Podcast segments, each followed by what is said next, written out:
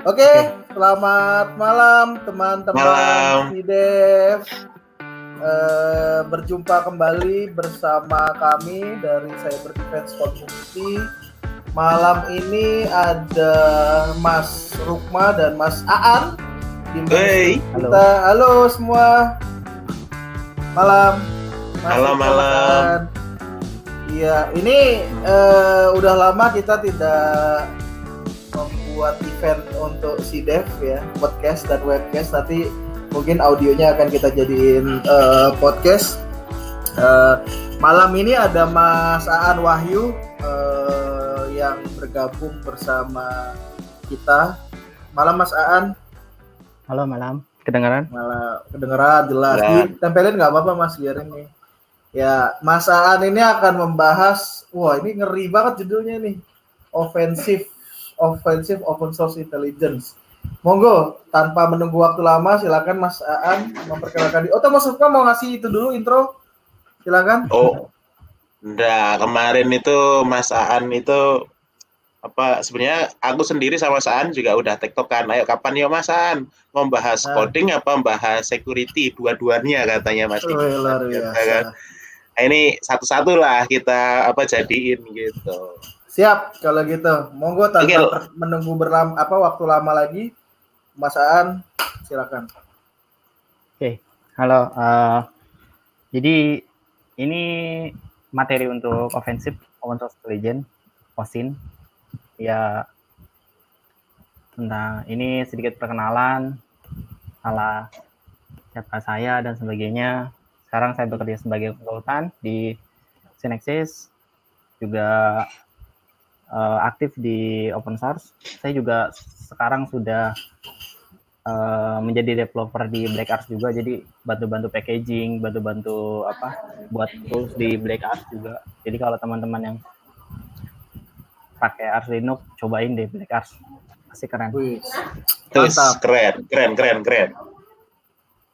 Oke, jadi table of content itu apa yang kita bahas di sini ada beberapa salah satunya prosesnya benefit dan sebagainya ini masih uh, bahasan basic. Jadi sebenarnya OSIN itu apa sih gitu loh. Nah kalau menurut saya ya kalau menurut saya tuh OSIN itu suatu uh, apa? Intelijen salah satunya. Tapi dengan dengan source yang terbuka terus gimana cara dia dapetinnya terus dimanfaatin dan disebarkan buat kebutuhan khusus nah informasi kayak gimana sih? Informasi yang digunakan itu biasanya informasi teknikal ekonomi hal-hal yang ofisial atau enggak ofisial dokumen kayak misal surat-surat kerja atau misal kayak dokumen-dokumen uh, yang disebarluaskan yang memang memang publik gitu. Terus atau enggak jurnal saintifik anggap politik dokumen politik militer dan sivil. Oke nah ada beberapa uh, source information dari OSIN yang bisa kita pakai. Yang pertama kita bisa manfaatin media. Biasanya kalau orang-orang yang dahulu yang di intelijen dahulu kan pas masa perang dunia itu cuman adanya media kayak radio, HAM kan, terus uh, newspaper, sama televisi. Biasanya cuma terbatas itu aja. Nah terus kalau sekarang udah berkembang tuh, udah ada internet, ada sosial media, udah kita posting apa dan sebagainya, kita udah tahu bahkan misal kayak sekarang covid aja kita udah tahu uh, apa update informasi tentang itunya. Nah terus ketiga ada juga namanya public government data. Public government data ini kayak misal sensus penduduk, terus misal kayak kesehatan tiap uh, apa setiap negara, ekonominya dan sebagainya. Nah, atau enggak yang jurnal. Terus yang yang kelima ada namanya commercial data. Jadi di dalam mesin juga kita bisa beli data. Tapi selama data itu uh, public gitu, kita kalau bisa cari yang public aja. Nah, atau yang beli data ini kayak data data-data yang leak atau data-data yang gimana, Mas? Iya ya, Mas. Kalau, kalau mau bahas beli-beli data nih kayaknya saya sounds familiar nih, sounds familiar. Jadi, mungkin beli kalau, beli data ini mas yang kayak data-data KTP gitu, data.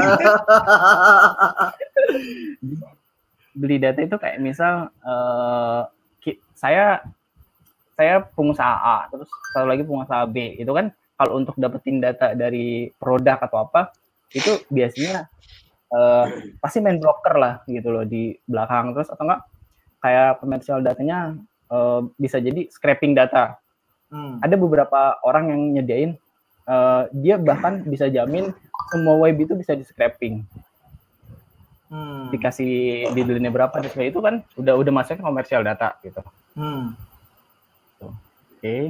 mantap mantap. Ah, ada beberapa sebenarnya OSIN itu salah satu cuman salah satu bagian di apa uh, disiplin ilmu di intelijensi gitu.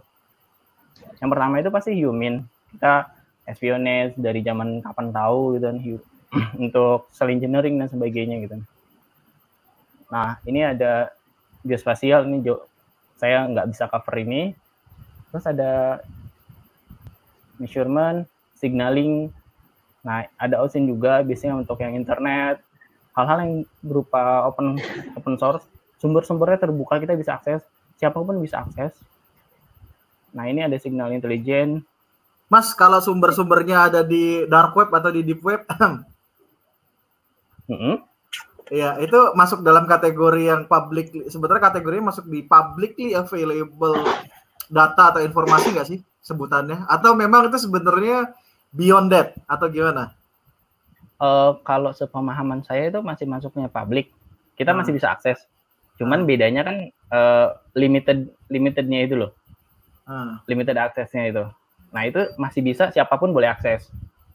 Beda lagi kan kalau misal kayak closed uh, intelligence itu kan dia closed source, semua datanya itu didapetin dari entah mungkin spying, entah mungkin uh, kayak recording orang lagi telepon dan sebagainya itu kan bener-bener apa uh, clustered banget kan dan dan orang lain nggak bisa ngebuktiin itu gitu biasanya untuk hmm. public datanya. Nah kalau yang kayak dark web, kenapa mereka pada ke sana kan?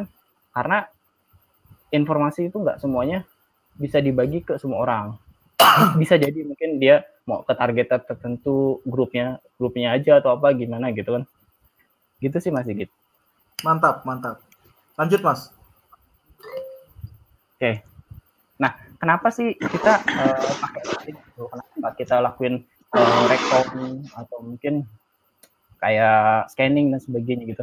Yang pertama, yang paling saya suka itu kita nggak ngelakuin kompromis sensitif ke sistem atau hmm. apa pun yang kita ini. Jadi uh, seseorang atau mesin yang kita dapetin informasi atau apa pun dia nggak tahu kalau dia tuh lagi di uh, doxing atau apalah istilahnya.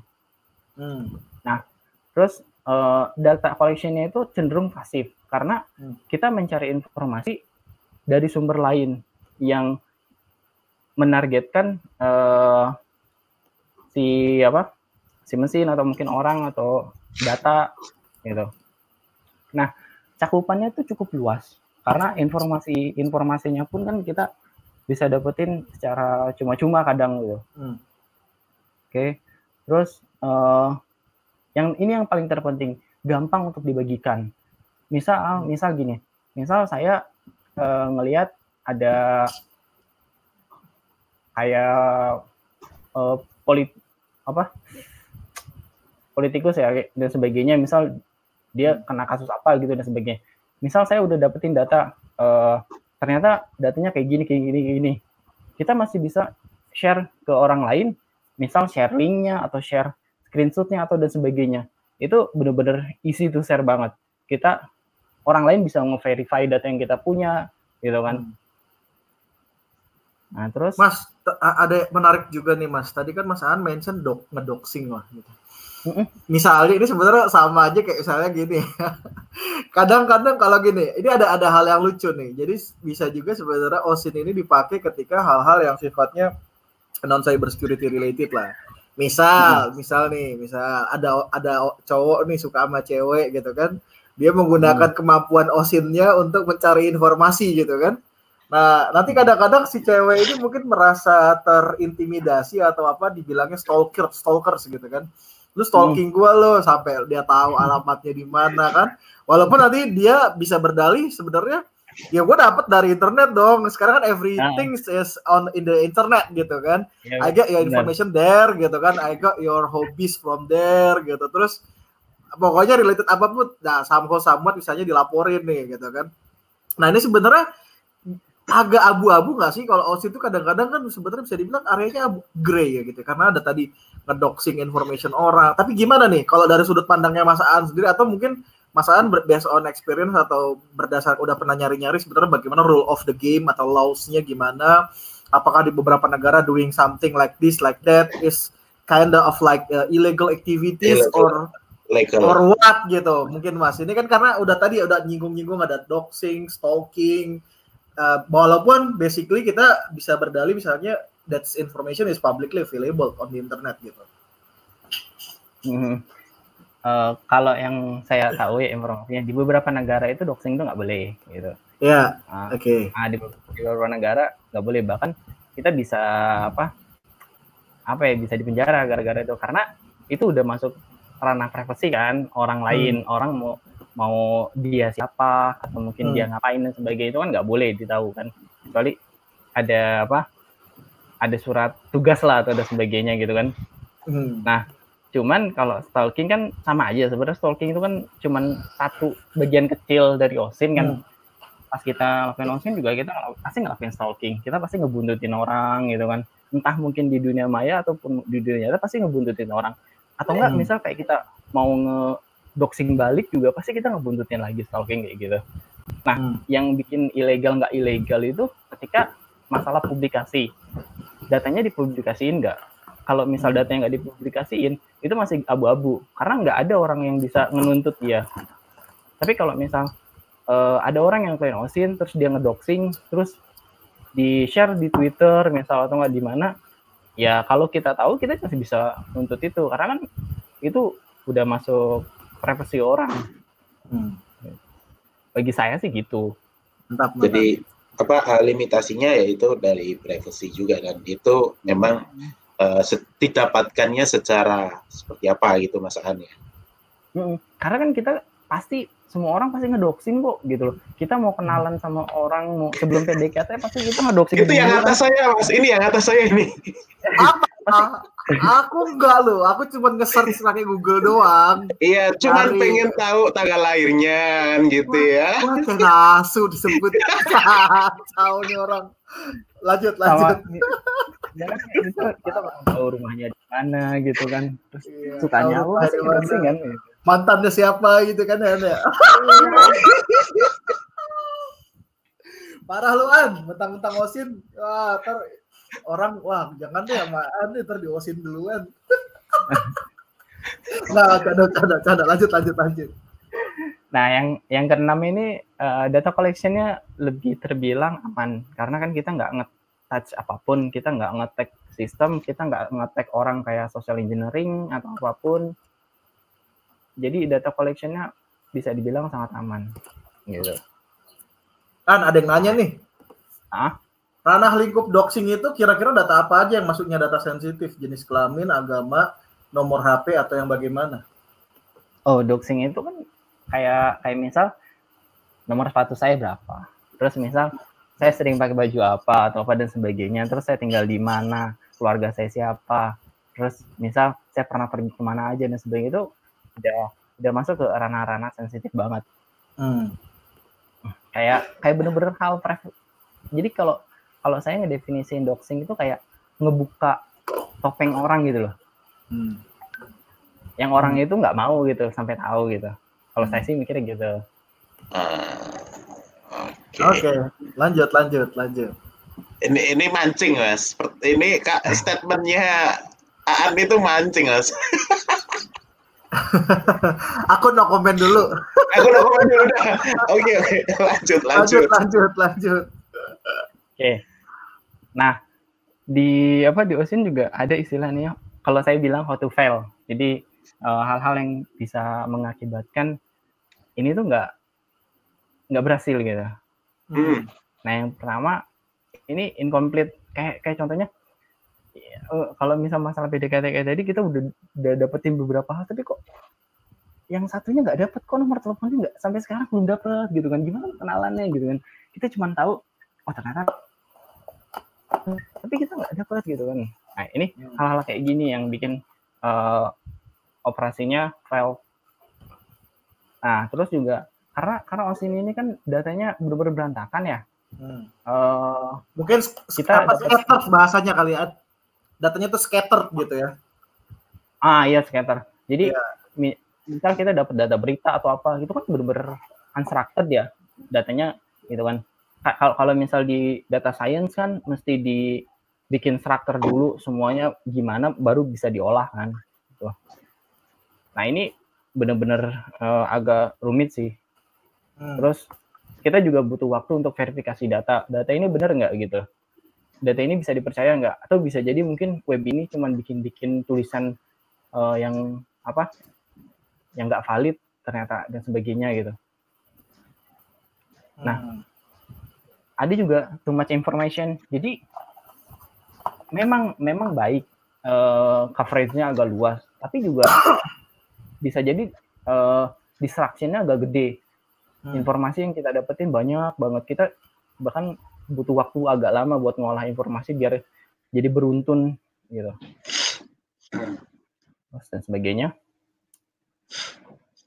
Nah saya ngutip satu apa kutipan dari orang saya nggak pernah kenal orang ini nggak pernah ketemu sih gitu. Nah jadi dia bilang katanya eh, dibandingkan dengan cara yang tradisional atau yang lainnya gitu kan. Ini bisa terbilang lebih cepat, lebih ekonomis, lebih otomotif. Oke, nah ini ada dari eh, namanya, ah, ini ada web reacher si Mica. Jadi dia bikin mind map, J- eh, anak katanya sih anak apa? eh, anak muridnya bikin mind map Ini kayak Jadi sans course sans itu ya instructor ya. Iya ini yang bikin yang Assistant instructor ya. Heeh. ah, Mika. Yang yang ngajar di kelas ini ya open source intelligence itu ya. Ke Hmm. 487 ya, Sansek 487 ya. Yo I. Oke, mantap mantap. Oke. Keren tuh tadi. Digit pasti udah ketemu. Hmm? Digit pasti udah ketemu ya kan. Udah pernah pernah ketemu sama orangnya sekali waktu dia lagi ngajar di Singapura. Oh gitu. Hmm. Dia botak ya? Iya, botak. Asik tapi orangnya. Ya, Eh, Tapi langsung yang apa namanya? sama orang yang belum dikenal tuh friendly. Mungkin itu cara- Hmm. salah satu cara dia untuk ngawasin orang gitu. Wow. Kalau aku asik sama orang jangan dibilang aku lagi osin mas ya. Oh, aku buka rahasia kamu dong. Tapi eh yang bikin keren itu dia waktu itu masih tetap ngajar walaupun kakinya itu sempet patah gitu. Nah, Dia lagi sakit Dia waktu ngajar. itu. Hmm, dia ngajar pakai kursi Dia roda gitu. kecelakaan kalau nggak salah ya. Waktu itu kecelakaan dia Ah. Kecelakaan. Oke. Mantep. Nah, ini ada beberapa bidang di OSIN itu. Salah satunya government. Aduh. Ntar, maaf, tak dulu. Pastilah ya di government itu ada media monitoring, orang yang bikin hoax di Facebook tiba-tiba kedetek, terus Iya. tiba-tiba Eh, terus ah, analisis, survei, ya kan. Ah, yang kedua ini ada intelligent community, biasanya komunitas-komunitas. Kalau di luar ya banyak An. gitu. An. Ah? Itu udah dikunci belum? Itu di depan. Udah. Lanjut, lanjut. Sorry, sorry, sorry. Oke. Nah, terus yang ketiga ini ada militer. Karena sebenarnya OSIN itu tercipta gara-gara militer. Waktu Perang Dunia kan apa eh, dibutuhkan untuk pertukaran informasi dan sebagainya. Untuk untuk tahu musuh itu eh, jumlah pasukannya berapa, terus apa yang dikirimkan. Karena dulu kan masih masih kayak apa persandian ya eh, informasi yang dikirimnya juga gitu. Kamu nggak usah senyum-senyum, Mas Rukma. Enggak, enggak, enggak apa-apa. Maksudnya aku itu jagain kalau Mas Aan itu kebablasan gitu aja. Oh, iya, gitu. siap, siap, siap. Oh, kijang satu masuk kijang satu. oh, enggak, enggak, cara, cara. Lanjut, lanjut, lanjut, lanjut. Jadi ikutan Terus- batu. Terus ada Ini cara, cara ya. eh, Terus, ada namanya law enforcement eh, law enforcement apa sih? Eh, penegak hukum. APH, Ah, aparat penegak penegak. hukum. hmm, penegak hukum biasanya. Terus atau enggak polisi gitu buat Hmm. lihat nge doxing drug dealer dan sebagainya. Sering minum.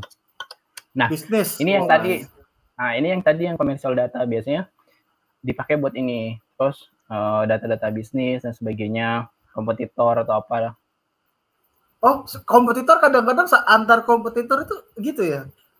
Eh, Saling mungkin kayak memata-matai gitu. eh, kayaknya bukan rahasia umum ya Bahasa umum. udah jadi rahasia umum ya udah jadi oh, siap, siap. kayaknya gitu ya nah, terus ada beberapa bidang yang nerapin juga nah ini balik lagi ke pertanyaan yang tadi ini legal nggak sih gitu loh Hmm. Ya. Maybe Ya, yes, maybe no. Maybe. Itu kayak lagunya siapa? Maybe. The Beatles ya. Maybe yes, maybe no. nah, yang yesnya apa dulu nih An? hmm? Yang yesnya Ya. apa dulu kan? Yes, kalau legal yesnya gimana? Misalnya yes legalnya karena dipakai buat pemerintah gitu kan. Jadi Oh, legal. jadi yesnya sih kalau kalau kalau menurut gue ya yesnya itu karena kita kan nggak nggak ngelakuin kompromis kita nggak nggak kalau dari apa kedengeran nggak Kedengeran, kedengeran. Itu sengaja dikit. Di, mute biar aku nggak kebablasan. Jadi pas aku lagi ngomong tak mute gitu. Jadi nggak ada yang dengar. Nah, jadi eh gue bagian yang yesnya itu gara-gara misal kita ngambil apa informasi dan sebagainya itu kan kita nggak ngelakuin attacking sama sistem terus juga kita nggak eh, apa apa ya kita kita kita benar-benar nggak nggak ngelik data. Data semuanya kan informasi di internet terbuka dan sebagainya. Nah hal kayak gitu bisa dibilang itu masih legal gitu. Karena karena nggak belum ada belum ada peraturan di di Indonesia kayaknya ya buat buat data-data kayak gitu. Kita kan bisa aja eh, orang habis touring dari mana terus atau enggak orang eh, ngupload foto tiket atau enggak pakai paspor dan sebagainya terus dia mau ke mana gitu kan terus kita bisa tahu oh oh ternyata nih orang mau ke sini terus oh ternyata nomor nomor pesawat yang dipakainya ini terus tujuannya ke sini gitu. Itu kan hal-hal Terus yang tahu pesawatnya jatuh gitu ya. Ya gitu kan. Itu kan hal-hal yang sifatnya publik gitu data-data bener data publik. Gue bilang bisa eh, mungkin iya legal. Tapi mungkin juga enggak ketika data-data itu dipublikasikan. Lu mesti mempertanggungjawabkan apa yang dilakuin. Terus kalau misal ngedoxing orang harus dipertanggungjawabin. Kalaupun itu ilegal ya mesti diterima gitu. Tapi selama nggak dipublikasikan nggak ada orang yang tahu kalau kita melakukan hal-hal ilegal. Karena sekarang standarnya apa? Kalau misal kayak kita ngetek mesin DCM ketahuan oke ada log dan sebagainya tapi kan kalau yang kayak gini gimana ngetracknya Gua tahu Karena bukan- jawabannya, bukan tahu sih jawabannya. Kemarin tuh ada ada ini uh, workshopnya Active Defense dari Black Hill Information Security. Salah satu Ah. topik coverage-nya itu di bagian uh, bikin honey honeypot ya decoy, Ah. decoy system lah. Misalnya Oh, gitu. gini, misalnya gini. Gue bikin decoy token di GitHub misalnya atau di mana pun di web Hmm. dengan identitas gua nih. Jadi kalau ada nanti ada orang nyari nge-search keyword misalnya Aan Wahyu gitu kan. Tapi Aan Wahyu itu merupakan decoy. Ya kan? Terus gua pasangin token. Jadi nanti ada kayak semacam apa connect back information lah. Kalau misalnya bahwa orang itu udah ngakses informasi itu gitu. Jadi oh, ada, Nah, kalau ada orang yang ngakses uh, page yang udah gua create secara decoy, nanti dia akan Hmm. Eh, nginformasiin. Nanti kalau teman-teman pernah dengar Canary Token, nanti cobain tuh. Salah satunya bagus Oh, iya, banget. Jadi ya Canary Token lo tahu kan? Nah, itu Ah. kayak gitu tuh. Jadi gue tahu nih kalau ada yang lagi ngedoxing gue di internet. oh nyari keyword gitu kan misalnya gue bikin uh, decoy namanya si Dana Larutma gitu kan ada nah itu nanti profilnya berupa halaman web gitu kan gue masukin di halaman page pertama di Google tapi semuanya itu yang page pertama isinya decoy gue semua gitu kan. Jadi kalau ada yang nyari gitu kan begitu ngebuka langsung ting ting ting ting. Oh ada yang nyari ini di sini di sini di sini ya. Gitu. itu itu mungkin jatuhnya beda beda beda beda ini sih ya beda apa beda sadikis tapi mungkin uh, apa namanya kalau mau melakukan yang apa aktif countermeasure apa ya bahasanya kemarin tuh hacking back lah kayak gitu gitu mungkin ah, bisa juga back. ya dilakukan ya gitu ya. Menarik juga sih. Kamu malah buka-buka mas digit oh jadi yang di halaman pertama Google tuh di semua mas ya? Punya kamu ya? Oh ya ya ya ya siap. Lanjut ah, lanjut. Sorry sorry. itu sih baru di koinnya dia baru rilis. kemarin, kemarin, kemarin hari Kamis malam. Nanti kak eh, oh. eh tapi nggak ada, ada recordingnya nggak ya? Nanti kalau ada recordingnya tadi gua kasih deh. Itu ada hmm. workshopnya 4 jam. Cuman kemarin tuh ya, ya. gua nggak sempet uh, nge-labnya tuh karena labnya sih nya gede banget 20 giga. Jadi gua ngeliatin aja kemarin jam 11 sampai iya, jam 3 pagi ya buat koneksi mobile ya minggir ya kan Lanjut, lanjut. Oke, oke, oke. Bagus sih, nanti ya kali aja ntar bisa gue jadi bawain lagi kan materinya gitu ya. Oh, iya, luar tentu. biasa. Ada dibikin jadi course yang, yang komersil gitu ya, paid course gitu kan bisa. Udah, lanjut. An. Suaramu, An? Lo harus begini kayaknya, mic-nya. An? Suaramu nggak masuk? Enggak, Wah, enggak masuk. Nah, ini gini gini. Suara lu hilang. Gak iya. Coba lu. Coba. Gak kedengeran. Gak kedengeran suara lu. Wah, habis di doxing. IP-nyaan ketahuan. Ayo, ayo, ayo. Aku nggak tahu jawab. Aku nggak ikutan. Lihat ah di depan dan tuh tadi ada yang kijang satu kijang satu tuh lihat di depan. Ada siapa? Gak denger, gak denger. Serius. Coba, Coba lu, lu, lu, setting dulu. Soal lu, lu setting. Hmm, coba copot dulu, masukin lagi. Nah, itunya lu cabut dulu, lu masukin lagi. Ah, coba ngomong. Cek. Ngomong. Gak ada, belum mendengar. Bentar, bentar. Udah. Nah, udah, udah. Oke. Udah, udah, udah. Coba lihat dulu di kedua ada orang nggak? Nggak ada. lanjut, lanjut. Oke, jadi uh, ya jangankan osin kan, hidup juga kan perlu tujuan ya. Apalagi hubungan ya. Kan? Cip, cip. Ada yang Apa? bilang ternyata lagi live chat. Wah, siapa nih? Wah, gue gak ikut-ikutan lu, An. Belum, lah. Ini dilanjutin kalian berdua ya? Gue merasa ikut-ikut. Gak, kau bercanda, bercanda. Lanjut, lanjut, An. Jadi bukan cuma apaan tadi, An? Bukan cuma rencana hidup aja. Kok lu jadi curhat sih, An? Nah, iya mau gimana ya kan? jadi uh, masih ada tujuan goalnya apa gitu kan. Kalau misal kita kita mau nge apa nge uncover misal kita mau cari username passwordnya ya kita mesti tahu dulu goal kita apa gitu. Nah atau enggak personal detail. Kita misal mau ngedoxing ya benar berarti benar-benar masih fokus uh, apa tujuannya bakal kayak gimana nanti kita bakal bikin profilingnya seperti apa soalnya tiap uh, satu kebutuhan itu beda-beda profilingnya.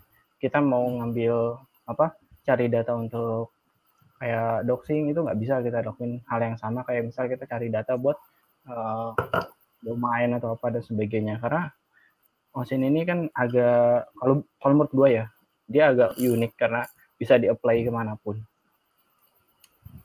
Penggunaannya bisa di mana pun ya? Ya bisa di-apply ke di mana pun misal kayak apa uh, set your go, uh, geolocation kayak biasanya kalau geolocation tuh orang-orang yang dia mau tahu uh, apa orang lagi foto terus ada metadatanya itu ya enggak biasanya bukan masalah metadata tapi kayak Hmm. kayak apa ya kalau misal di intelijensi itu melajar pelajari kayak misal dari satu gedung terus gedung gedung terdekatnya apa terus dari situ dicari lagi dan sebagainya. Biasanya untuk dapetin satu ini doang satu apa? Apa sih eh, satu lokasi.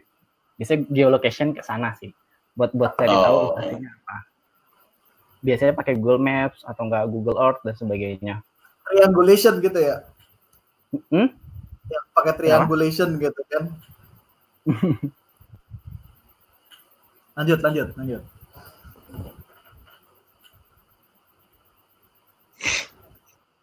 jadi An- eh, ada? Ah, lanjut lanjut gua kira disconnect ada juga untuk investigasi. Biasanya ini buat personal investigasi kayak beberapa apa badan-badan itulah.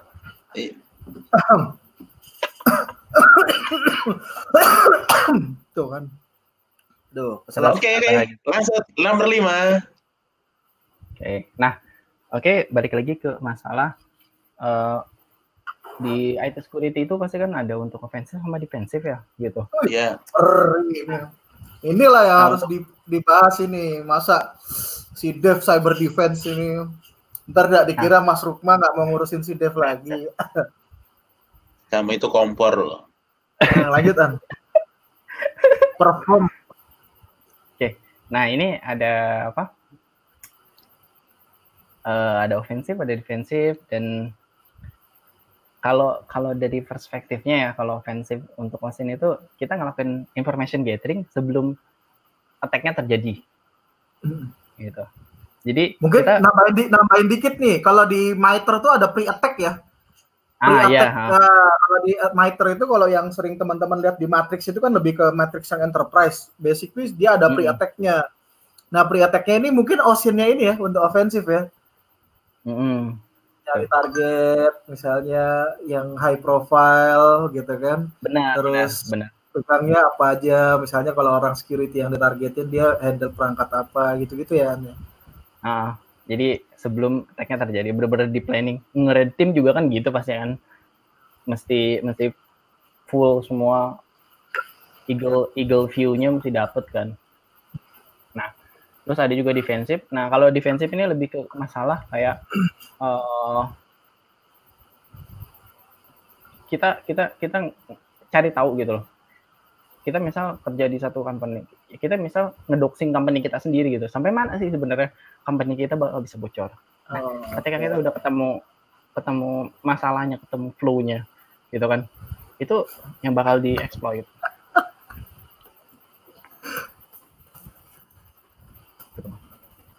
Oh, mungkin Nah. ini apaan ya yang itu apa yang eh defensif tadi menarik ya yang lo bilang bahwa sebenarnya buat self self review ya ke masing-masing organisasi. Cuman ada lagi Nah. kan mungkin yang use case-nya menarik kan kalau di defensif buat threat attribution. Oh, Ya, apa eh, ngomongnya ngomongnya threat intelligence an. Ini ada kaitannya Oh. kan, ya kan? Oh ya ya. Eh, threat attribution itu maksudnya gini, ketika misalnya eh security operations team melihat ada satu attack gitu kan dari mana misalnya let's say eh, udah berhasil masuk infiltrasi malware ya kan sama reverse engineering malware analysis team eh, dibedah nih ya kan dilihat. Terus dilihat struktur malware-nya gimana kriptografi yang digunakan gimana functionnya apa feature-nya apa gitu kan. Nanti diatribusi nih. Diatribusi tujuannya apa? Threat attribution ini untuk ngelihat bahwa sebenarnya yang ngetek gue siapa. Jadi lebih ke kayak in- apa melakukan open source intelligence untuk ngelihat behind the attack ini siapa nih attackernya. Uh, Hmm. gua na- nanti mungkin di edisi si Dev majalah yang uh, berikutnya nih yang mau rilis, uh, gue sempat ngebahas nanti yang use case dari Mitre ini salah satunya tadi untuk ini. Jadi bagaimana uh, mengatribusi threat actor. Ya, mengatribusi ini artinya mencari tahu. Jadi kita nggak cuma jadi kayak pemadam kebakaran nih, ada malware, oke, remediate, uh, close the hole gitu kan atau uh, perbaiki the system root cause-nya finish tapi besok ada attack lagi doing the same way gitu kan jadi instead of doing the uh, apa iterasi kenapa nggak kita nemuin kayak root cause analysis yang paling awalnya sih siapa sih sebenarnya selama ini nge ngelakuin attack terhadap kita, nge-atribusi. Jadi kayak doing that way but in a defensive mindset buat tujuannya tadi ngeprotek uh, apa namanya mungkin uh, information yang ada di organisasinya gitu kali. Gila. Lanjutan. Well, well, well explained banget lah eh, dari ini ya kan. Cocok ya Mas Rusma? Gimana Mas? Cocok ya Mas dikit ya kalau Wah, kalau Iya. Gua les Ya. dulu deh nanti kalau gitu gua les dulu lah. Enggak, Oke. lanjut di proses of OSIN lagi ya Mas. Ah, Oke, jadi eh, dari onsen ini kan ada beberapa proses. Kalau saya rangkum, eh, itu tuh ada lima proses. Biasanya, yang pertama kita ngelakuin identifikasi dari source. Kita bakal pakai source yang mana. Misal kita mau doxing orang, kita mesti tahu dari mana. Entah mungkin misal cari Ristek Dikti, kalau misal di Indo ya, Ristek Dikti, terus cari eh, eh, coba-coba cari apa KTP KTP-nya atau apa dan sebagainya gitu kan. Atau misal dia pernah kerja di mana kita bisa cari di LinkedIn dan sebagainya. Kita mesti identifikasi source apa yang bakal memungkinkan ke sana gitu. Nah eh, karena bagian ini tuh bagian yang terpenting. Kalau misal kita dari awal ngedefend source-nya atau apa dan sebagainya salah gitu. Justru ini yang bakal bikin prosesnya lama gitu. Kita mau eh, apa eh, mau ngawasin satu mesin dan sebagainya tapi kita nggak tahu. Kita mesti mulai dari mana sih?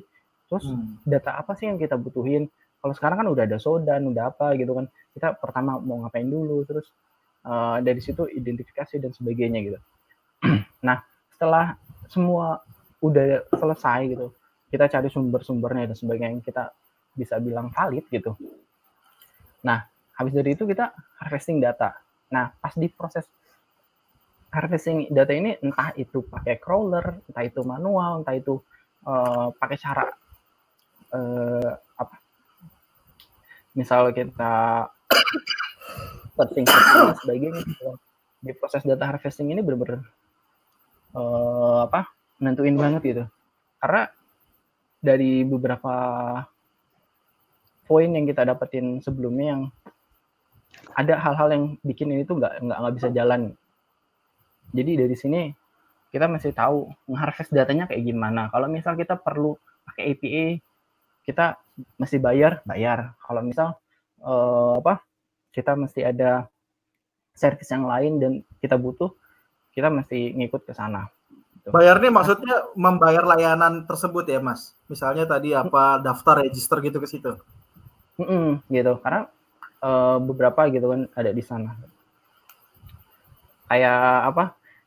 Dulu pernah sebelum implementasi di Blat itu ada fitur buat email checking. Jadi satu organisasi buat ngecek email yang terdaftar apa aja itu ada yang bisa bayar. Eh, email hunter atau apa gitu lupa. Hunter Tapi kan- hunter.io, hunter.io. ah hunter.io gitu. Tapi ternyata setelah di dicari tahu prosesnya gitu itu bisa di built in sendiri gitu kan jadi di- daripada harus bayar mending bikin sendiri gitu. Kalau misal masih bisa gitu. nah terus ada juga masuk ke processing data sama integrity check. Karena data yang kita dapetin itu kan eh, data yang ibaratnya kita nggak tahu. Kayak kayak Mas Digit yang tadi bilang mungkin aja dia di decoy gitu kan. Mungkin aja data informasinya itu dibuat-buat gitu Nggak valid gitu ya. ah, Ya, misal misalnya kayak insiden handler di satu e-commerce, cewek cakep padahal fit- toko fiktif yang bangke itu kan. lanjut lanjut enggak canda. Mas Ah. suruh serius Mas sama Mas Monty. Siap, siap, mohon maaf. Ini sebenarnya bukan workshop, jadi nggak serius-serius amat, nggak apa-apa lah. Masa dari Iya. serius-serius, capek mulu aku serius-serius, Mas. Kemarin empat setengah ya. Mas jam serius ngeliatin assembly itu, ah sekarang santai-santai ya, Mas An ya. Sambil santai aja ya, sambil ketawa ya kan. Lanjut. ya kan dari dari decoy dan sebagainya makanya dari situ kan nah ada satu disiplin ilmu di OSIN tuh yang eh, dia itu mengatakan gini informasi yang kita dapatkan itu nggak bisa dibawa ke meja hijau informasi yang kita dapetin itu nggak bisa dibawa ke meja hijau Karena tidak di karena tidak diperoleh secara legal. Hmm, betul. Kita nggak bisa ke legal juga dan sebagainya. Dan datanya ini uh, sebenarnya kayak orang kayak orang yang sekarang uh, apa di Facebook nih, terus nge-screenshot, terus ngelaporin kalau ini uh, apa ujaran kebencian dan sebagainya. Kalau dari mata saya ya sebenarnya agak rancu kalau kalau undang-undang bisa nge-cover itu gitu. Agak rancu kalau menurut saya karena informasi-informasi kayak gitu kan kita nggak bisa apa sih namanya eh, nggak uh, bisa tanggung jawab sama informasinya informasinya benar atau enggak kita kan nggak tahu gitu nah terus atau informasinya uh, diperoleh secara ilegal hmm, bisa jadi gitu yang jelas waktu itu saya pernah ngasih apa uh, ya cuap-cuap sedikit gitu ke orang-orang gitu saya bilang bahwa kalau ngelakuin ini yang nggak bisa da, apa datanya dipertanggungjawabkan hukum gitu. Kalaupun memang mau ke hukum, ambil kasus lain. Kalau misal kita mau ngedoxing orang, kita ambil kasus lain. Misal di pas dia kena apa, kena kasus yang apa, baru kasus itu bisa dimasukin. Atau kayak kayak beberapa kasus sebelumnya yang ada banyak-banyak hacker-hacker yang uh, nge-hack nge-hack terus ternyata dimasukin ke meja hijau gitu kan. Itu ya kayak gitulah gitu kita nggak bisa namanya dan itu berat kalau misal kita bawa ke hukum Lanjut. Oke, terus yang yang terakhir ada delivery report. Nah, karena kan dari dari semuanya orang-orang yang di atas gitu kan, itu maunya ini uh, reportnya udah udah bagus, entah itu berupa analitik atau berupa uh, dokumen gitu. Nah, waktu itu saya pernah pakai tools, ada tools namanya buat kayak bikin DF uh, digital forensik gitu gitu. Jadi apa namanya? Tapi apa namanya? Apa ya? Hmm. Uh, dia namanya forensik note. Oh, iya iya. Uh, itu gua hampir beli waktu uh, Black Friday kemarin tuh. Aduh, saya nggak jadi gua beli. Dia hmm. ada unlimited license. Nah, itu bagus. Jadi oh. bisa bisa dibawa ke mana aja karena disimpan di on the cloud ya. Jadi nanti uh, lu bisa hmm foto barang bukti atau evidence atau apa terus di hmm. attach directly ke situ kan ya. Terus tadi tato hmm. lo generate jadi report gitu ya. Ah, itu enaknya. Ya, gitu. enak gitu. Cuman boleh lah nanti kita kita belian kalau ada project kan. ya boleh lah. Gua gua kemarin udah udah apa ngajuin sih gitu. Tapi masih uh, free trial gitu. Uh, siap, ah. tenang ah, tenang di di proses nanti. Sama ini. sama Mas Rukma atau untuk reporting ada namanya Hansli. Oh iya iya iya Hansli. Nah, nah, kalau Hansli dia lebih enak karena uh, apa? Dia itu add-on add-on browser dan kalau misal dipasang dia bakal ngerekam kan ngerekam session. Aduh. Kenapa? Mati ya. Kenapa An? Apa? Halo, halo. An? Halo. Kedengeran, kedengeran, kedengeran. Aman, aman. Ada yang gak denger kita sekarang nih. Waduh, aja ini. Ini. sih? Enggak, enggak, enggak. Enggak. Lu dengar suara kita gak? Wah, putus. Enggak, ini Aduh. lagi di, lagi di intercept Mas komunikasi seret gitu kan. oh, bentar, bentar. Saya WA dulu Mas Aan. Meanwhile, wah kacau ini. Wah, Wah internetnya mati. Iya mati. Oh. Udah, udah, udah connect lagi. Kayaknya putus ya. Oh itu lagi dihack, itu didoksi sama Mas Ferry Afid. Ter langsung diterapin lah tuh. Begitu dia ngomong kamu mati mas. Stop. Waduh, gawat. Gila itu. Eh, hitam loh tadi layar gue hitam loh. Eh kamu pakai provider apa nih mas? itu dia langsung masuk ke sistem loh cari deh billingnya Mas Aan lanjut lanjut Mas Aan. Jadi uh, Hansli ini enaknya dia add-on kan browser terus uh, gua gua catat di komen ya biar teman-teman pada hmm. tahu ya. Lanjut hmm. lanjut. Jadi uh, apa? Semua aktivitas di kita di browser itu disimpan. Terus enaknya di Hansli itu ada namanya filter. Jadi kalau misal gue lagi nyari uh, digit gitu, misal digit nanti hmm. gue bisa bisa tulis filternya nah ketika gue buka web gitu loh gue nggak usah lagi namanya ctrlf digit nggak usah jadi hmm. dia bakal bakal apa simpen otomatis di collection di collectionnya. Nah yang yang informasinya digit itu apa aja gitu. Nanti nanti Waduh. di gitu. Jadi kita nggak usah oh ka- kadang kan kalau misal kita scroll scroll scroll scroll gitu kan kita lupa tuh ternyata oh ternyata ada apa? Ada nama digit tapi entah mungkin nggak kebaca atau tulisannya kecil atau apa gitu kan. Nah kalau pakai Hansly dia udah ada otomatis buat di record datanya Eh, An, Hansli itu eh, spellingnya gimana kok? Gue cari lupa gue. H U. H U N Hah? Charlie Oh ya Hansli. Oke. Hah? Oke, lanjut lanjut lanjut. itu lumayan lumayan bagus sih menurut gue. Ada free trialnya juga kan sama sebulan kalau salah. Hans.li ya, iya. gue pernah cobain sekali nih waktu itu ngiseng-ngiseng. Waktu Black Friday dia ada promo juga. Pokoknya yang sering eh, apa namanya, eh, yang sering hunting, sering sering mantengin Black Friday Black Friday aja nih. Kadang-kadang kayak Forensic Notes itu eh, muncul. Hansli juga waktu itu muncul juga nih. Lanjut Mas Aan. Wah ini di komennya ini pas gue mati itu ada tulisannya pasti bla bla bla gitu. Enggak lah. Enggak. Di sini tuh sinyal nggak ada yang ke cover git. ISP tuh nggak ada yang ke cover. Oh, iya. Jadi nggak bisa. Mantap. Nah. Lanjut Mas Aan. Di data har- harvesting juga kita udah pernah bahas sebelumnya gitu. Hmm. Itu tuh ada aktif sama pasif gitu. Nah, kalau aktif harvesting biasanya kita ngelakuin recon ke orang langsung, entah misal kita mau dapetin apa, kita eh, apa namanya dialog ke orangnya, kita ngajak makan atau apa dan sebagainya gitu. Nah, itu kan aktif. Tapi kalau yang pasif itu kayak misal kita eh, ngobrol ke temennya, eh si itu tuh rumahnya di mana ya? Atau enggak Hmm.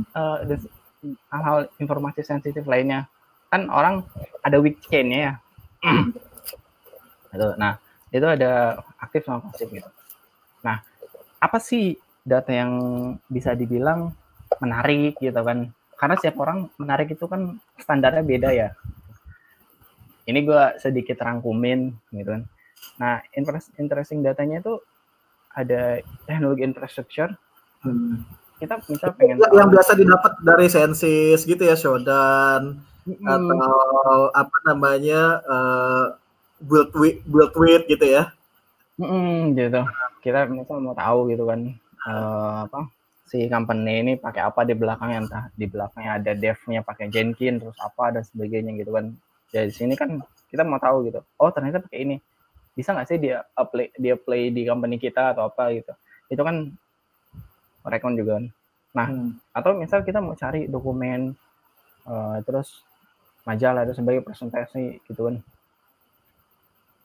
kok gue jadi kepikiran pertanyaan menarik gini ya Hmm. misalnya ini mungkin lo tahu kan yang kasus apa namanya Panama Paper ya itu kan sebenarnya eh, satu apa namanya satu kecara, kesalahan dari eh, Mossack Fonseca ya law firmnya kan yang yang ngehandle bikin banyak kayak istilahnya kalau di kita mungkin kayak notaris yang bikin banyak perusahaan cuman kasusnya di sana gue gue sempat nonton di di Netflix nih jadi teman-teman nanti mungkin bisa nonton Netflix kasus Panama Paper jadi dia kan yang ngebuat dokumen-dokumen perusahaan-perusahaan yang fake atau perusahaan shell company cangkang-cangkang dan kebetulan ada misconfiguration dari application webnya mereka sehingga ada seseorang attacker atau mungkin threat actor yang berhasil mengeksploitasi entah itu tujuannya hack device atau whatever ya kita nggak tahu motivasinya.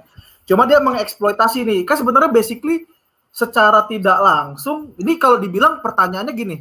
Ya eh bukan pertanyaan pernyataannya gini. Dia tidak mengekspos secara intens eh, tujuannya dia mengekspos tapi karena data tersebut publicly available karena entah itu salah konfigurasi sehingga tidak sengaja terekspos datanya samalah kayak lu ketika nemuin apa namanya git Hmm. eh, configurations yang tidak sengaja terekspos sama developer ini jadinya abu-abu dong kan tadi dibilang sebenarnya karena informasi ini sebenarnya publicly available kalau gue sebagai orang yang melakukan aktivitas tersebut gue baliknya gini ya itu salah lo sendiri lah lo yang misconfiguration bikin data-data lo terekspos yang sebenarnya sensitif Tapi dalihnya si law firmnya misalnya si Mossack Fonseca bilang, ya lu kalau lu nggak punya intens untuk tujuannya nyari-nyari-nyari gini, sebetulnya nggak bakal itu juga. Jadi, gimana? An? Itu menarik ya jadi kayaknya. Gimana menurut lu?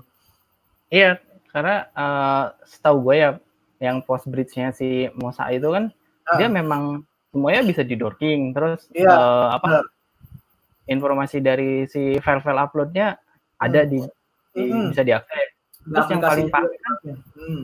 yang paling parah itu seingat gua itu ada arsip server. Arsip ya, server itu bisa ya, server, ya. Dan itu hampir 2 TB gitu kan. hmm. kan.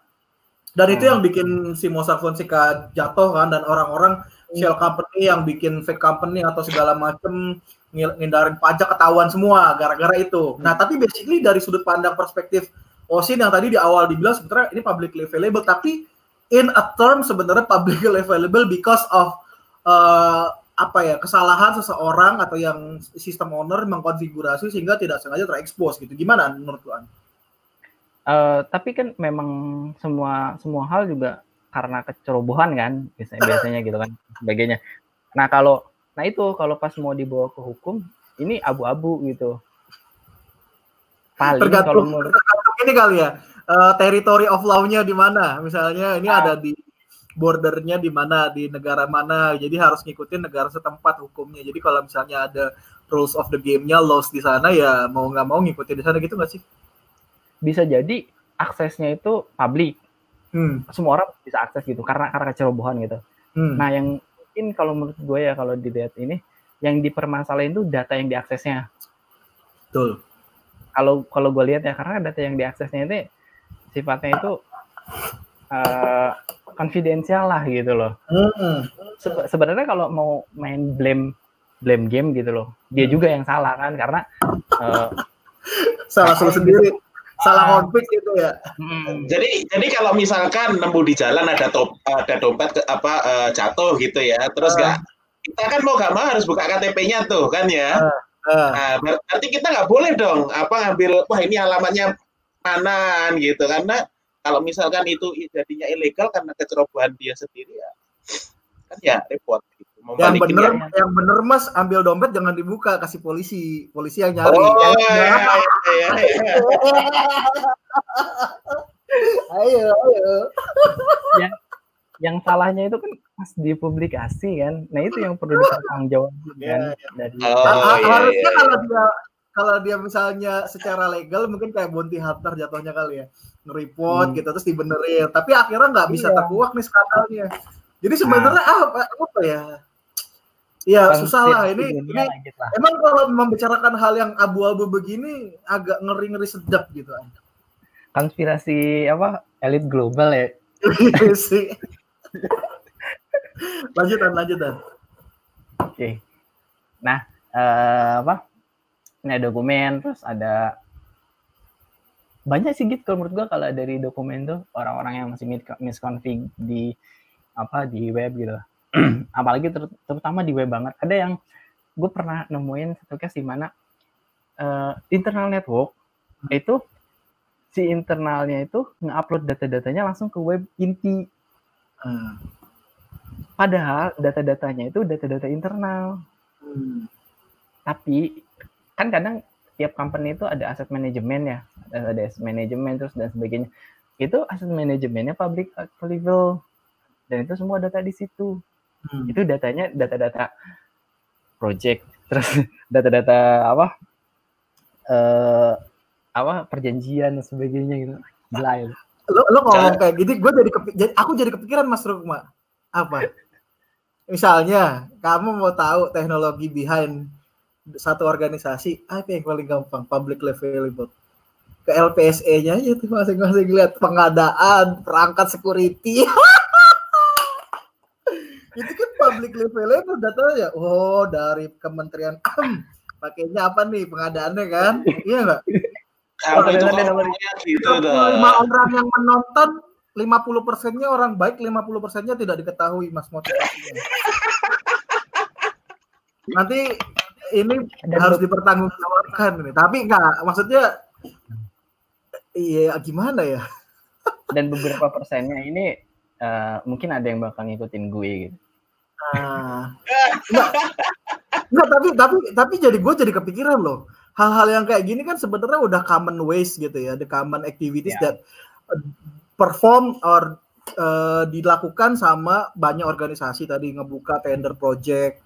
Tapi ya Hmm. kalau gua mau ngedoxing jadinya gampang dong. Gua mau nyari informasi ngawasin oh di kementerian ini pakai teknologi apa sih? Gue lihat aja itu data LPSE lima tahun terakhir, tiga tahun terakhir ya kan.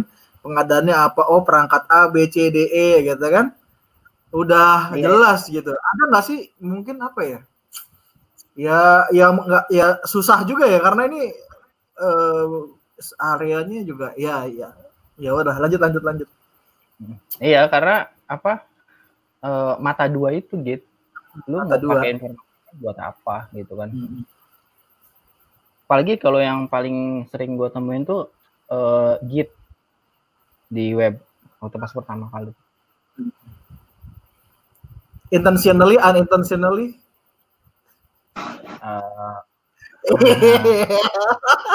Eh, lanjut lanjut lanjut lanjut kalau nggak bisa dijawab Oke. lanjut. Nah ini ada ada juga untuk email, employee detail, relationship. Eh, dulu gue pernah nonton apa tuh, Miss Robot ya, ya?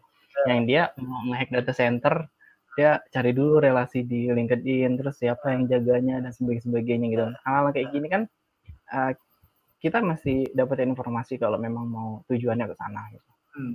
Terutama prefer location kita eh, apa banyak kan kita udah agak modern kan apa apa kita update kita lagi di mana update kita baru check in di apa bandara kita update dan sebagainya orang lebih tahu oh ternyata dia ke sini terus dari sini ternyata ke sini terus oh jam sekian itu eh, dia makannya di sini.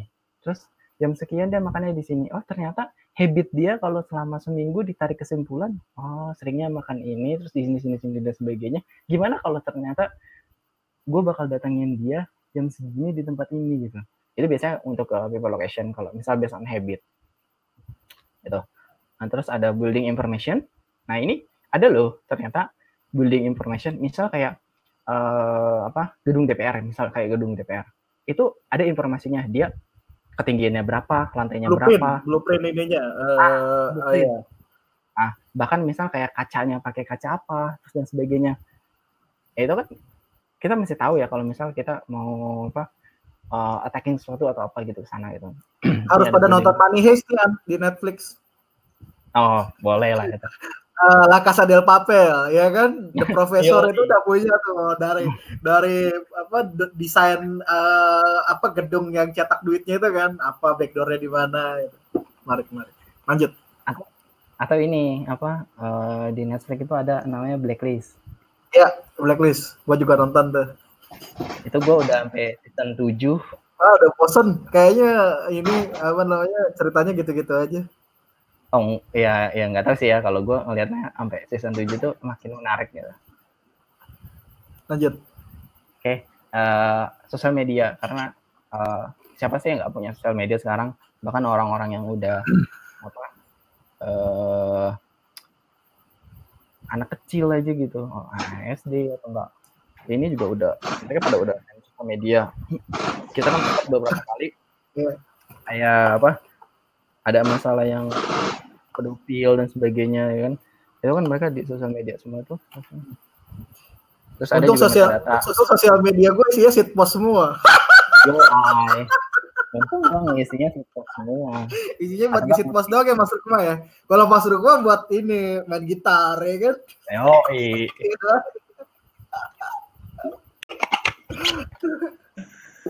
Oke, ini ada namanya metadata. Jadi eh, kalau menurut gua, metadata itu suatu data yang eh, kita mungkin ignore data itu ada. Kayak misal eh, apa? foto ya, metadata foto Hmm. gitu di dokumen terus di properties itu yang bikin ternyata NIK siapa di PT mana gitu ya Oh iya Yang filmnya judulnya The Laundromat. Gue lu, gue salah tadi. Judulnya di Hmm. Netflix itu The Laundromat yang film tentang Panama Paper. Oh Mossack gitu. Fonseca. Ya. Oke. Lanjut. Sama dulu kan pernah ada tuh yang kasus apa? uh, dia dia itu tentara mana gitu uh, apa jadi pas di sosial media itu dia memang udah dipantau selama tiga tahun nah eh bukan bukan tentara dia kayak dia kayak mungkin hacker ya apa pokoknya aktivis lah dia udah dipantau selama tiga tahun nah dia satu satu momen dia sempat ngupload foto itu ada geolocationnya gitu nggak lama itu didatengin loh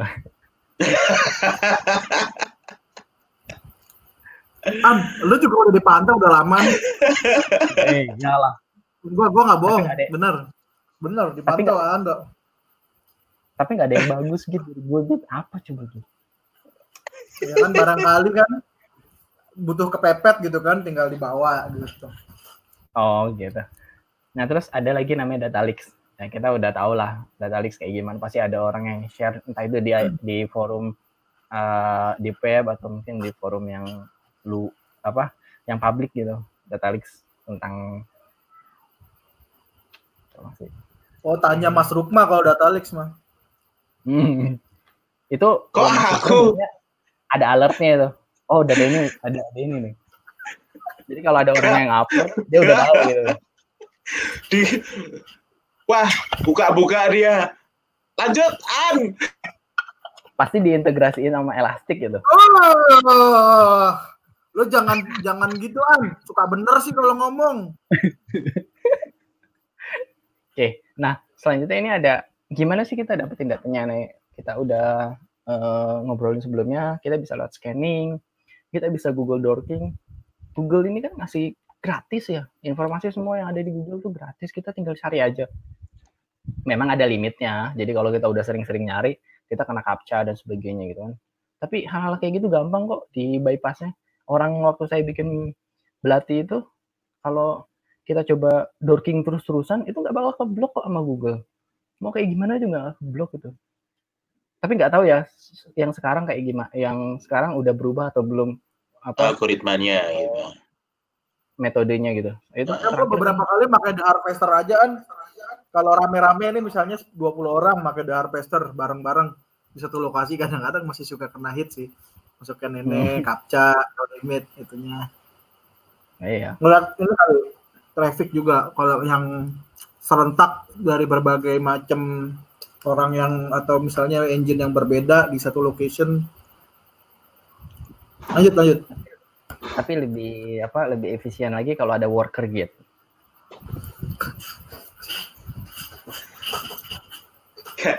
An, sorry ya An, ini digit itu nggak fokus sama komen-komen yang serius kacau kacau. Apaan nih? Wah tak bener banget nih teman nih. Kita klik kanan band user aja berarti kalau canda kalau baper banget apa nih ada ada yang nanya yang tools itu dia bilang? Oh ini iya, nih tools Osin yang powerful. Sekarang apaan om? Tergantung kebutuhan sih. Biasanya eh, apa? Kalau orang kalau buat mapping ya biasanya mapping pakai Maltego aja. Tapi beli yang bayar ya, jangan yang free karena yang free itu super super limited, integrasinya juga kurang gitu kan.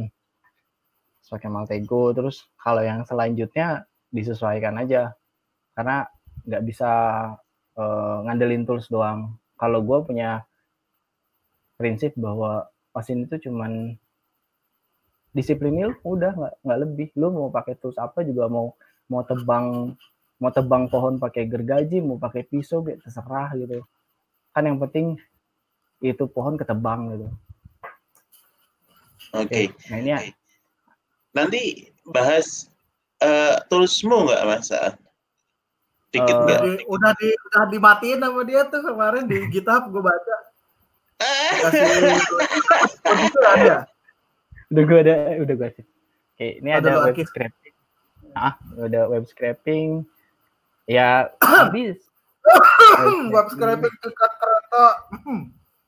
Terus ada open source dataset kan kayak misal kayak Rapid Seven terus atau enggak kayak DNS apa gitu. Dia kan ngasih dataset tuh.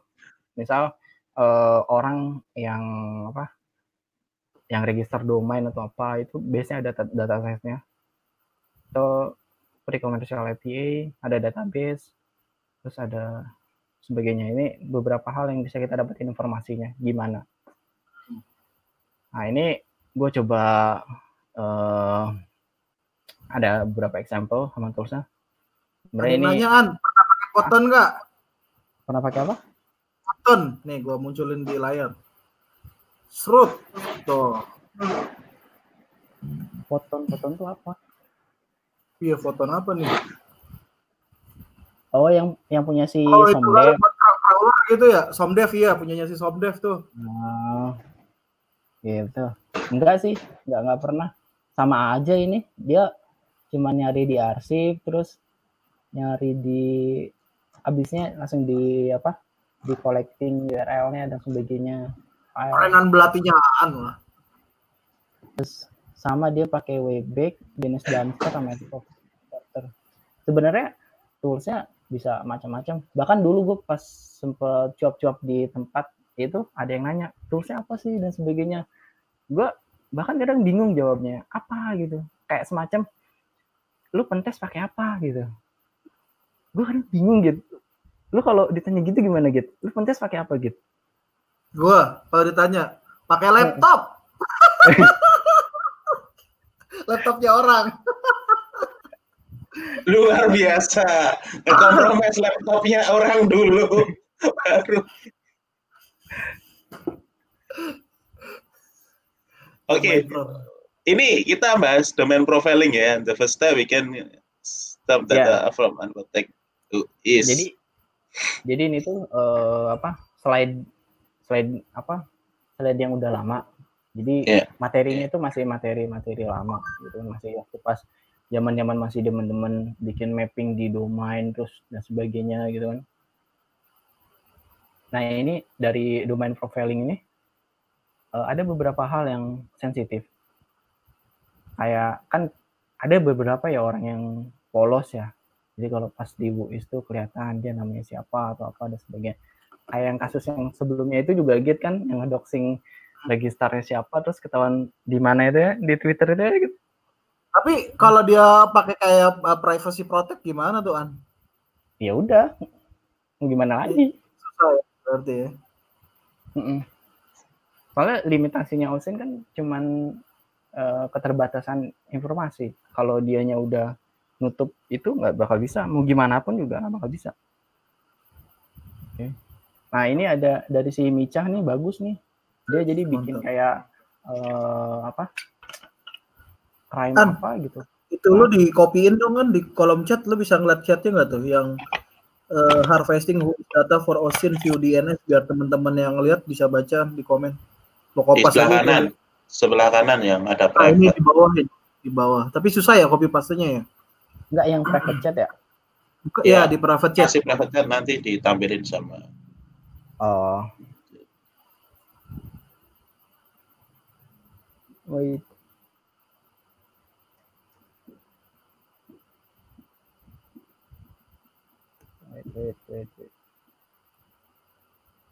Lumayan rame juga loh, 40 orang. Wes. Ya. Lumayan. Dah itu. Ini mungkin orang-orang ini yang sedang kesepian malam minggu, kita maklumin aja lah, Mas.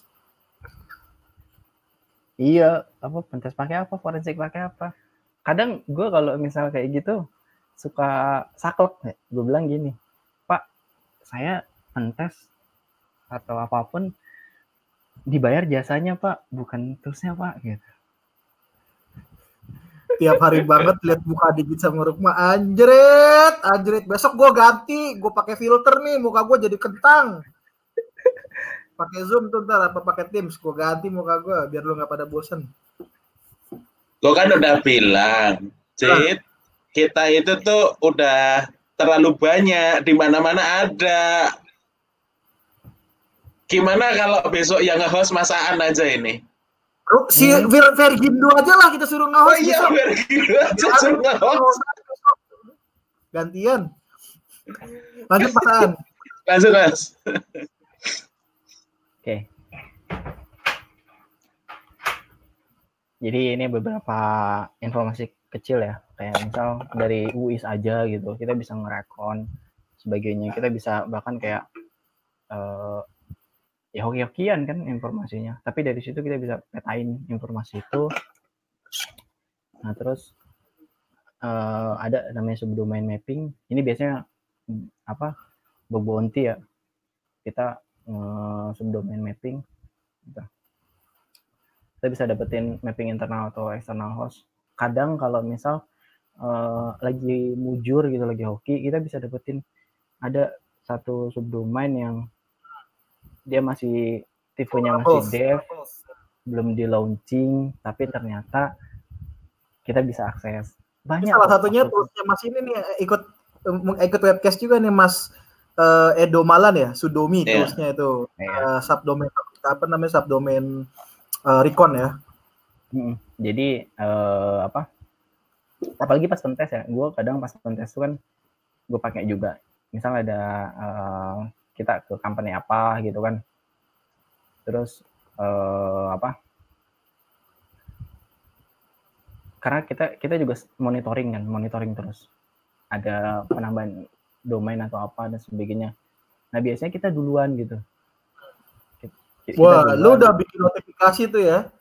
Lu punya hmm. pasif DNS gitu kan? Iya.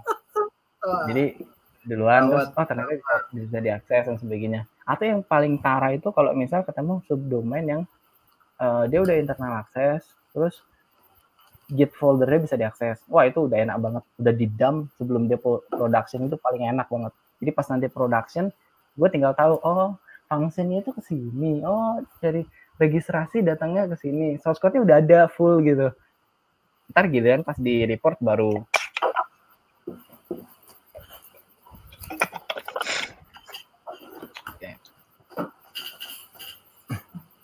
Guys, ada sambil banyak. ngopi guys, yang lain. Kita masih hmm. ada 4-5 jam lagi lah ini. Wes ya, Cid. Bye. gue udah kopi gelas ketiga nih. Gue sambil gue sambil ngasap, ngasap. Iya, monggo. Oh ya. Ya, yuk. Lanjut, Man. Kontesnya jadi source code review ya. Ya, ya itu kemudahan aja gitu. Jadi udah dikasih tahu gitu. Tapi di akhir-akhir biasanya gue report juga kalau misal ada sosok klik gitu. Jadi biar dibenerin sama mereka. Ya sebenarnya curhat an. Kerjaannya suruh ya. sama sosok klik jadi curhat doang ini curhat colongan. Lanjut lanjut. Oke. okay ada beberapa uh, subdomain mapping teknik. Kita kita buat mapping subdomain gitu. Banyak salah satunya brute force DNS kita punya dictionary. Atau mungkin sekarang udah banyak tools tools baru yang lebih apa teknik-teknik baru.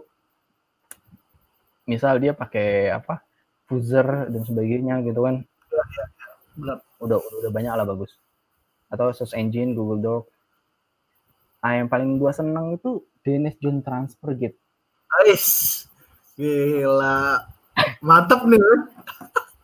AXPR. Yang apa? paling gua seneng John transfer. Gua? Lu gini-gini apa? Lu giliran ngomong ini gini-gini lo. Di mute suara lu, di mute, di mute suara lu nggak kedengeran. Gue masih ingat lu ngajarin DNS transfer ke gua. Jadi kan tahu sendiri siapa yang duluin ngajarin Lanjut. Eh. Nah, ini ada dataset, terus ada dataset juga. Oh, SDBF apa nih, An? Gue baru denger nih, An. Da, itu kayak layanannya itu.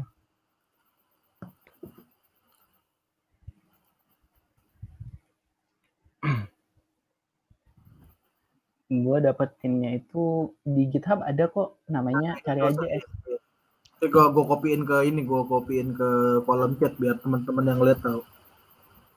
Tuh, XR sudah lengkap. Pengalaman ya Pak ya? Kayaknya Pak Azwar Al Anhar ini pengalaman. Terus ada curhat ya. Oke. Nah, sama ada juga namanya sertifikat transparansi. Gua Ini apa nih? Maksudnya apa nih konsep eh sertifikat transparansi ini gimana nih? Jadi konsep sertifikat transparansi itu ada karena eh, ada banyak orang yang punya argumen bahwa kita nggak bisa namanya ngetrust CA, eh root root CA ya pokoknya. Jadi kita mesti tahu kapan ada orang yang nge-issue satu satu apa satu sertifikat gitu. Makanya digodok lah namanya sertifikat transparansi biar kalau ada yang issue CA atau apa pun tahu karena gitu. Kita nggak tahu eh, apa entah mungkin government entah mungkin eh, global gitu. Ternyata CA yang ditanam di perangkat kita atau mungkin CA yang diinjek pas lewat routernya itu diganti kita nggak ada yang tahu gitu. Nah hal Gue kayaknya gitu, pernah dengar cerita ini nih, yang itu loh, yang di yang apa yang eh, ketahuan itu yang gara-gara orang Iran suatu hari dia pengen buka Google terus ada problem. Enggak, nggak apa-apa, ntar lanjut aja lanjut lagi nanti. Ini ntar nggak kasusnya ada yang kayak gitu. Kasusnya ada yang beberapa kayak gitu terus eh apa karena kan kita nggak tahu kita nggak bisa nuntut juga gitu. Dan nggak ada yang monitoring gitu nah eh biasanya sih entah itu personal entah itu government dan sebagainya Oh iya, iya gue tahu ini ceritanya apa. Gue tahu ceritanya ini apa. Lu pernah denger Iya. Diginotar Case? kenapa Diginotar Case. ah Ah, ada iya iya eh, eh, apa namanya eh, penyedia eh, layanan sertifikat digital ya namanya Diginotar tuh. iya Jadi- iya benar itu kan bridge ya, terus akhirnya Nah, bangkrut. Nah itu awal mulanya ini gara-gara ada satu orang Iran kalau nggak salah, dia suatu hari buka Gmail, terus eh, tiba-tiba tuh sebenarnya ada something yang wrong di sana. Nah setelah ditelusuri, ditelusuri, ditelusuri ternyata eh, apa namanya untuk digunakan untuk nge-spy ini, untuk nge-spy citizennya. Nah Benar. akhirnya eh, ini si Matias Prasojo nih. Nah akhirnya baru tuh kasus skandal di Generator itu eh, terkuak. Mungkin teman-teman nanti kalau yang eh, pernah dengar atau nanti belum tahu bisa di googling aja ceritanya dari awal mula si Diginator itu root CA-nya, servernya bridge sampai dia bangkrut segala macam gitu kan. Nah, dicabut, di revoke dari browser-browser. Ya sekarang udah nggak ada. Nah, itu ada, ada ada awal mula ceritanya tuh. Makanya kenapa dia sampai ketahuan bridge. Bahkan dikeluarkan beberapa sertifikatnya dikeluarin, dirilis untuk eh, apa namanya ngesign malware ya kan kalau nggak salah tuh. Makanya uh, seems uh, like uh, legitimate one gitu kan akhirnya ini uh, ya karena udah nggak di trust ya udah akhirnya lanjut mas. dan apa beberapa yang semacam diginotar juga kan ada beberapa yang ke revoke juga tuh dia nggak boleh apa eh, ngasih sign ke apa ke sertifikat karena ternyata pas desain itu ada chain yang dimasukin nah chain yang dimasukin itu chain government gitu. ada Oh, Oke. kasus. Nah, hal-hal kayak gitu kan bikin bikin kita nggak enak ya, kita nggak tahu apa dan sebagainya gitu kan sertifikatnya. Nah, untuk yang sertifikat transparansi ini, gue sempat pernah bahas di apa di meetup yang lain, namanya Doctrine of Sertifikat Transparansi. Di itu bukan di apa namanya hack in the zoo. Bukan, gue bahasnya di ini IT Security Meetup. Oh IT audit, IT audit. Jadi eh, gue bahas tentang prinsip zero trust ke CA kita nggak bisa gitu apa trust ke siapa pun apalagi soal sertifikat kan kita nggak tahu kayak apa ada apa di sertifikat itu terus udah dimasukin kayak gimana dan sebagainya gitu kan Nanti baca nih, gua kasih link ya teman-teman yang isi Kazakhstan juga. Hmm. Lanjut an, lanjut. Nah, ini ini kan hal-hal dasar ya. Jadi kayak misal eh, apa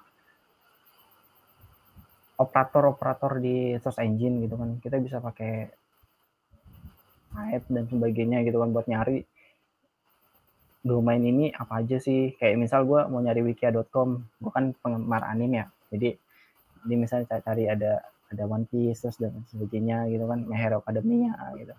Kita kita tahu oh ternyata dari domain wikia.com ini ada subdomain ini loh gitu dan terus engine atau misal kita juga bisa lakuin pakai Linux enumeration kita bisa pakai beberapa tools atau lakuin sendiri nah ini ada uh, Fierce jadi famous one ya, ada famous one salah satunya ya.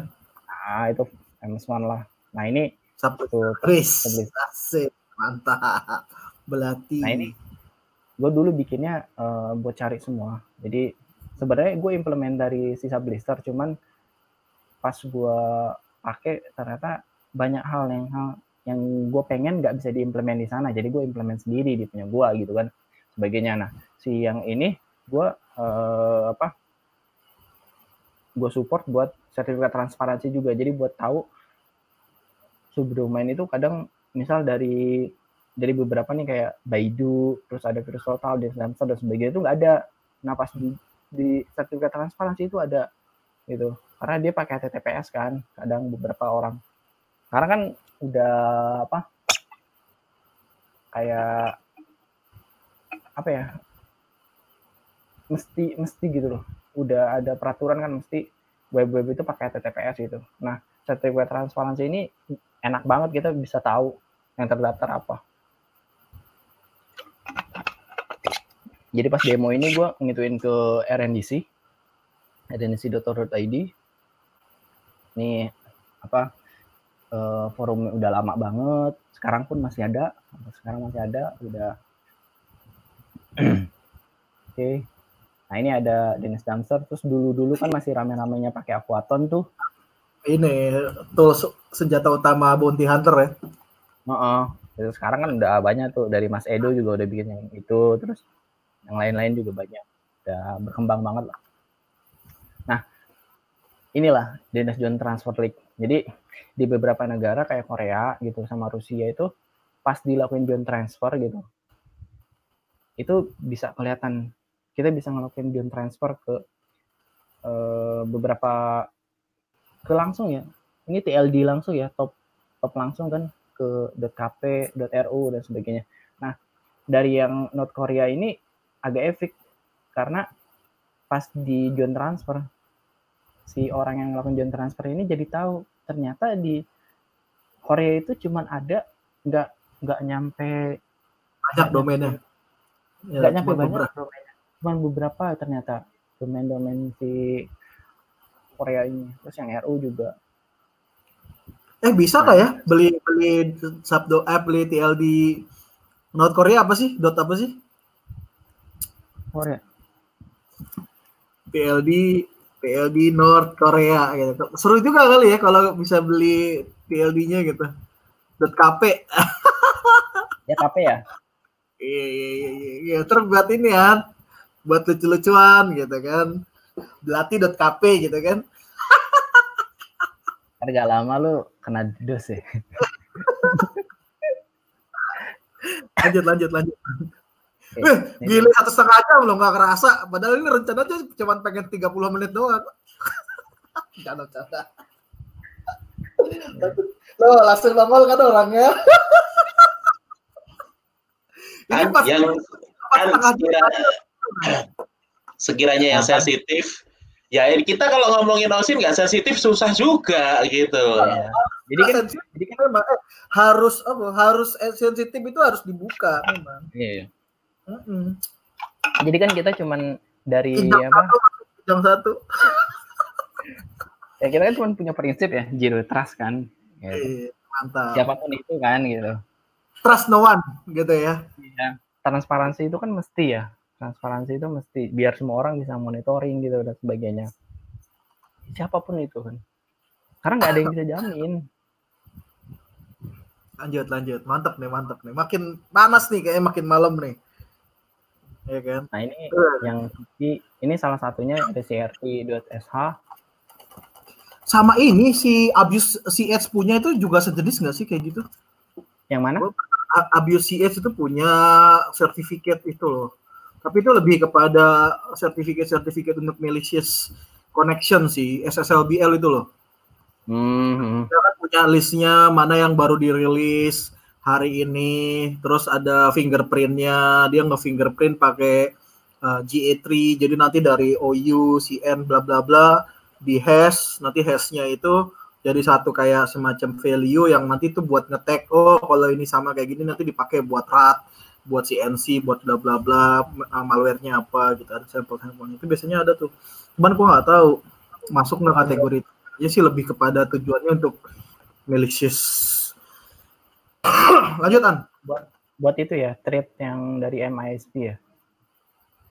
Uh, buat lebih kepada nge- nge-monitor sertifikat-sertifikat yang baru dirilis tapi digunakan oleh threat actor yang sifatnya malicious kayak malware gitu loh. Hmm. Kan sekarang yang, rata-rata yang, yang encrypted encrypted itu misalkan situ yang Oh. encrypted gitu kan dia pakai SSL, HTTPS, TLS ya. Kan dia kadang-kadang ya kan ngerilisnya entah itu pakai yang banyak sih pakai itu ya, pakai Let's Encrypt gitu. Kemarin banyak si Let's Encrypt baru nge-revoke ya. Berapa Iya, iya. ribu tuh gede-gede tuh. Yang kenapa tuh kena kena kompromis apa sih? Eh bukan kompromis tapi kayak lupa detailnya kenapa dia nge-revoke itu ya.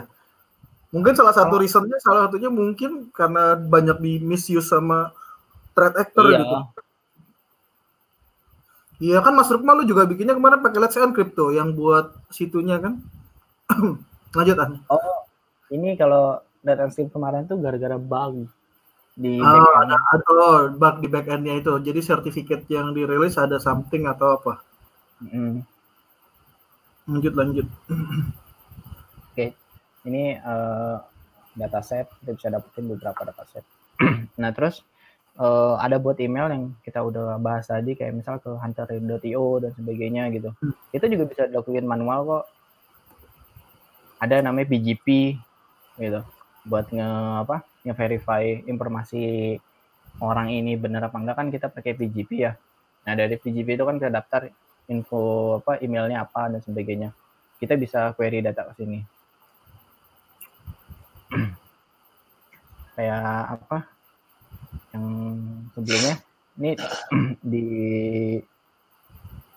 oh nggak ada di sini. Nih misal kayak email harvesting kayak gini gue udah udah minta persetujuan sih ini buat di publish waktu itu. Jadi pas di sini gue ngituin ke harvest ke PGP sama Google Search gitu.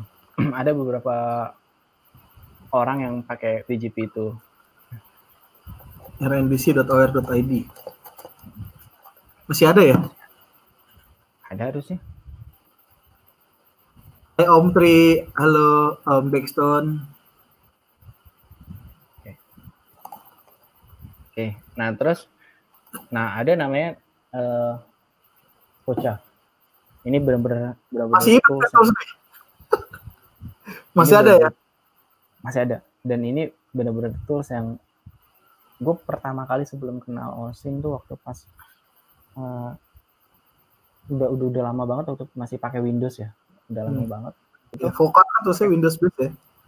Pakai Voca itu enak banget sumpah. Hmm. gue ngikutin web terus dapet semua gitu nah ternyata setelah gue pelajarin gitu yang Voka lakuin itu dia cuman gathering information dari eh, search engine sama Hmm. gathering information kayak brute force directory Hmm.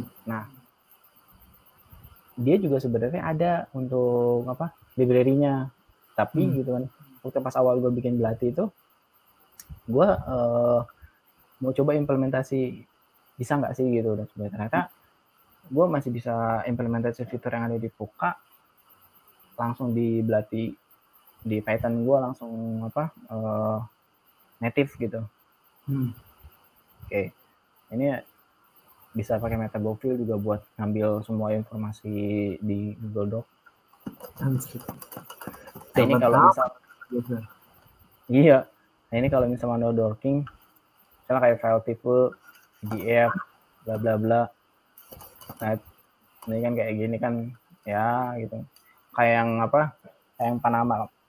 Panama itu kan ada salah satu pas nge dockingnya itu kan An, bye bye lo ah disamperin sama almarhum di kolom komen mas temuan. Insya Allah enggak mas, kan enggak menyinggung apa-apa. Mm-mm. Ah langsung diem. Lanjut. ah. Gue mute lah. Eh, ini ini, ini gua gua agak alihin aja. Untuk manual dorking ini sebenarnya legal nggak sih, An? Kan ini ada di fiturnya Google ya? Ada, emang emang boleh kan yang nggak boleh itu pas ngelewatin limit tuh dikiranya bot kan. Oh, gitu. Boleh karena kan Google sendiri nerbitin doc itu kan buat mempermudah ngefilter data. Hmm. Jadi kalau ada dokumen ke publik, eh, ke eh, publik lalu dia search engine nemu itu, kemudian bisa di docking, kemudian tahu-tahu eh, ternyata itu tuh data sensitif ya, ya yaitu kayak yang case yang tadi itu ya. Iya, pilihannya kan dilaporin buat biar diperbaiki atau dipakai kan. Pilihannya itu Iya. aja. Ya, Tinggal tergantung orangnya kayak gimana dulu kan. ya, ya. Oke, oke, oke. Minta gokil. Nah ini eh, teknologi infrastruktur yang udah kita bahas tadi kayak network scanning atau apa dan sebagainya. Sekarang udah banyak kayak Sodan, terus bahkan ada loh yang monitoring kayak eh, apa ya si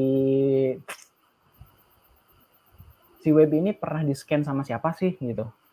Kalau nggak salah ada yang Apa tuh? yang- apa ya? Aduh, lupa gua. Oke, next. Pok- pokoknya ada eh, jadi webnya itu kita misal kita masukin web CDEV gitu nanti ketahuan tuh ada yang ngetek ke CDEV itu siapa gitu ada dan sebagainya oh ini ada Sodan kita udah tahu lah kalau mau beli akun Sodan mending pas nunggu Black Friday Wih, Biasanya- itu saja. biasanya dia cuma 5 dolar walaupun dia nggak enterprise ya aksesnya tapi cukup buat buat nyari-nyari data gitu Nyari apa? Nyari kulkas mas yang connect ke internet. Ah, Iya, ah, ah, ah. Kali aja bisa di remote kan, matiin gitu kan. Jadi buah-buahnya pada busuk semua. ya kan kali dendam kan ah nama mantannya gitu kan cari di doxing. Bro, it, bro, ini dimonitor loh sama itu Mbak Eo, kamu itu sukanya gitu. Mbak, oh iya nggak apa-apa, udah tidur dia, udah satu setengah jam udah bosan. nah ini eh, apa udah lumayan komplit lah kalau menurut gua Sodan ini walaupun memang ada beberapa terus juga di meetup sebelumnya yang si Dev kan gue sempat bahas tuh yang apa Iya, iya, yang itu. ah, Apa sih? ya Favicon Hmm. jadi eh, Heavy Has ya. hmm, jadi Hmm. setiap setiap data yang di sini tuh punya hash buat si Pepicon gitu. Nah, si Pepicon ini informasinya eh, informasi IP, infrastruktur dan sebagainya. Itu gue baru tahu pas waktu cari-cari data dan sebagainya. Ternyata kok ada itu cuma masalah se- search-nya aja ya, search-nya. Kok pas gue cari data ini ada, tapi kok pas gue cari dengan eh, apa filter yang kayak gini nggak ada gitu kan. Lu itu ya buat buat nyari situs phishing ya yang pakai favicon yang sama ya? Iya. Ya, eh, Kayak gitu. Waktu Atau itu- apa sih? Waktu itu? Apa? Gua waktu itu datangnya telat sih waktu meet up itu mm-mm. datang telat gua nggak nggak terlalu Jadi gue waktu itu buat cash ada berat ilegal, Ah, ada ilegal ini apa eh, data yang dijual dan sebagainya gitu kan.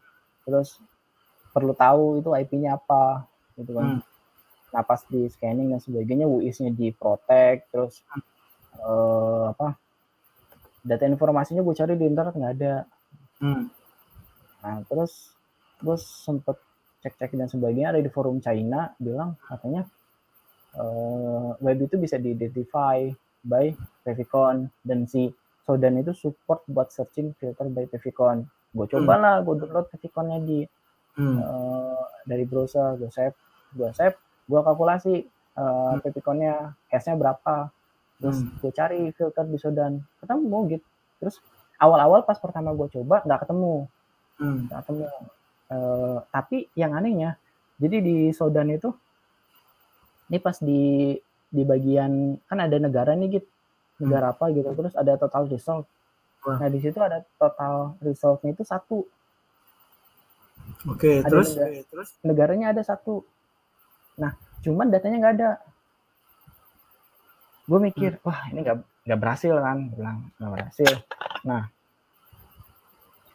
ternyata gue kontak pihak sodanya hmm. dia bilang kalau mereka itu lagi apa maintenance lagi hmm. migrasi jadi nggak semua data bisa ke apa ditampilin di situ jadi proses migrasinya belum selesai oke okay. Hmm. gue tunggu selama 10 harian ternyata datanya ada IP-nya ketemu gitu ya udah akhirnya gue bikin tools aja terus gue uh, apa present di CDF itu juga dadakan gue nggak hmm. sempet sempet apa bilang ke Mas Wahyu Mas bisa nggak gue dadakan ke sana karena takutnya kelamaan gitu hmm. jadi itu berdasarkan temuan yang bahasanya tidak secara apa sebenarnya itu berdasarkan apa yang pernah lo kerjain gitu untuk ini ya videonya ada di channel saya bisa dilihat eh, nggak apa-apa ya Jangan kamu. Ini kita on behalf of si Dev loh. Eh, maaf, maaf, Pak. Siap, siap, siap. Nanti kamu disangka kita ini monetisasi trafficnya. ini ada pertanyaan. Uh, uh, mau tanya, ada nggak sih dalam membuat laporan OSIN memakai metodologi buat mengukur validitas dan reliabilitas data? Oh, ini confidence level nih. Ini ngomongnya udah confidence level tapi ngomongnya di OSIN. Gue nggak tahu kalau di OSIN gimana. Kayak skripsi gitu. Anjay kayak skripsi. Gue skripsi dulu gimana ya? Udah lupa gue jadi gimana jawabannya hmm? Ada gak sih buat laporan metodologi ngukur validitas dan reliabilitas data wah ini berat nih dia ngomongnya ini ilmiah nih pertanyaannya soalnya profesor yang nanya. Jadi harus berdasarkan data dan fakta. Bahasanya udah, udah levelnya beda ya. Mungkin kayak ini kalian kalau di threat intelligence itu ada confidence level namanya gitu kan. Cuman. Confidence level itu kan diukur dari masing-masing penyedia data source. Misalnya feeds-nya dari mana, confidence levelnya nanti dilihat. Misalnya dia nyediain datanya seberapa seberapa details gitu kan. Terus uh, dia dapat dari mana misalnya dari honeypotnya dia kah atau dia dapat dari third parties gitu. Nah kalau di OSIN sebenarnya secara secara apa secara laporan deh kalau misalnya kalau dari lu ini dari lu nih mungkin pertanyaan dari hmm. lu lu ada nggak sih semacam metodologi yang ngukur bahwa data ini seberapa valid atau misalnya ya ini berdasarkan apa yang buat temuin aja dari publicly available data gitu. Maksudnya nggak ada kayak semacam matrix atau measurement yang benar-benar digunakan untuk mencari atau mengukur bahwa data OSIN ini seberapa nih nilai confidence levelnya atau gimana? Kalau validitas biasanya dari si source-nya dulu sih. Kita mesti identify dulu si source-nya bisa kita percaya atau enggak. Terus sama uh, apa? Gue gue biasanya ngacu ke RAND jadi di RAND Corporation ada tuh ada buat validitas intelijensi terutama untuk apa untuk data-data yang kayak sifatnya asumsi data-data yang asumsi itu nggak bisa terus hmm. kalau misalnya kita mau valid biasanya kita merujuk ke dataset kalau hmm. misalnya yang valid. Terus kalaupun memang untuk yang ke web atau dan sebagainya pokoknya data-data yang uh, random lah gitu. Itu butuh verifikasinya data ini ada nggak sih terus kok misal ada tiba-tiba satu-satunya data di situ gitu ini kok tiba-tiba lu nyari nggak ada yang ngasih resource information tiba-tiba ada satu hmm. informasi data yang disediakan oleh third party gitu tapi lo nggak hmm. tahu nih sebenarnya ini Diko ya Pak Bukasi mungkin gitu mungkin nih Mas yeah. Reza ini dia terinspirasi dari statement di awal bahwa jangan-jangan data yang berhasil lo osin itu data decoy which is fake yeah. data kayak ibaratnya gini gue pernah dengar dengar cerita ini ya cerita cerita fiksi gitu ya uh, bahwa se, se rahasia sebuah kerajaan itu sering kali terbongkar gitu kan nah dia ngasih semacam uh, orang-orang terdekatnya dia nih 10 orang masing-masing informasi yang berbeda di co information. Nanti dia tinggal melihat informasi mana yang leak itulah yang sebenarnya dari sumber yang leak. Jangan-jangan mungkin Mas Reza dia pikir uh, bukan dia pikir maksudnya mungkin statementnya dia jangan-jangan hasil OSIN itu uh, kita nggak bisa validasi kalau misalnya ternyata yang kita dapetin adalah informasi decoy. Mungkin ini dari sudut pandang intelligence ya. Gue karena pernah diceritain juga sama teman gue yang uh, dia itu dites nih, dites sama orang gitu kan. Dites sama orang. Eh jangan deh, jangan lanjut dulu, lanjut deh, lanjut lanjut. Udah lanjut. ada yang belum gitu? Enggak, enggak, lanjut aja lanjut lanjut. Abis udah ini lanjut slide ini. Biar kita nah. bisa move on nih. Nah, jadi uh, validitasnya nanti di cross check lagi. Pasti nggak nggak nggak sendiri kan? Oke sini ada data leak gue paling seneng kalau pantengin pas tebin sumpah mantap pas tebin ya paling seneng gue pantengin pas tebin terus uh. Uh, script uh. terus sama yang buat upload upload dokumen gitu Nanti dulu pernah gue dapet uh, apa email satu perusahaan full uh. itu ditaruh di script cuma gara-gara gara-gara dia pernah register hmm. di event satu event satu event si gue nggak tahu lah si orang yang kayaknya panitia eventnya itu ngupload ke script hmm. Satu, satu lah itu. Satu satu satu company lah ah gila hmm. memang. Pas bin kalau pas bin bahkan ada tool monitoringnya kan buat apa ngecek query dan sebagainya. Kayak gini lah. Kayak misal cari bajakan lah atau apa. Biasanya data leak malah lebih cepet sih. Hmm. jadi kalau mau cepet pasang keyword tertentu di Pastebin ya hmm, monitoring API-nya terus connect terus nih nge-search nge-search gitu ya karena kan orang kalau ada misalnya di Facebook itu yang dipantau nama cewek gitu kan, set set set. Kalau muncul langsung dikasih notif di SMS, kan, tentung gitu. Wah. lanjut lanjut lanjut. Terus yang selanjutnya ada metadata. Jadi metadata itu bagi gue ya sesuatu yang eksis, tapi kita tuh nggak peduli kayak kayak kayak lu ada tapi nggak nggak dibutuhin gitu loh eh enggak nggak bukan nggak dibutuhin sih tapi kayak ada nggak adanya lo tuh nggak nggak dipedulin orang lain gitu itu itu metadata sedih sih kayak jadi orang metadata itu sedih sih Kang, jangan lama-lama kali ya. Ini sebenarnya bisa di, dijadiin workshop ah. ini. Jadi nanti mungkin sewaktu-waktu bisa kita jadiin workshop aja biar yang lain pada penasaran. Bisa. Eh. Masukin di blueteam.id doang ini di channelnya sini ya, bukan di channel blueteam.id. Salah, mohon maaf. Oke. Okay. Uh, Tuhan, di Pastebin sudah di enggak ada ya sekarang. Ditanya tuan nama Sudomi. Eh Sudomi. Maaf, Mas.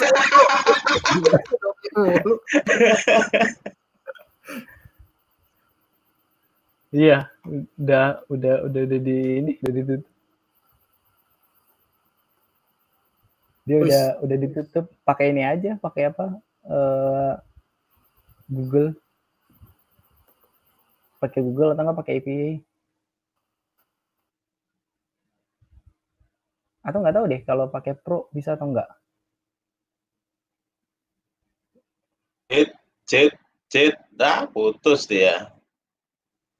Enggak, dia ada yang lagi ketok-ketok ada.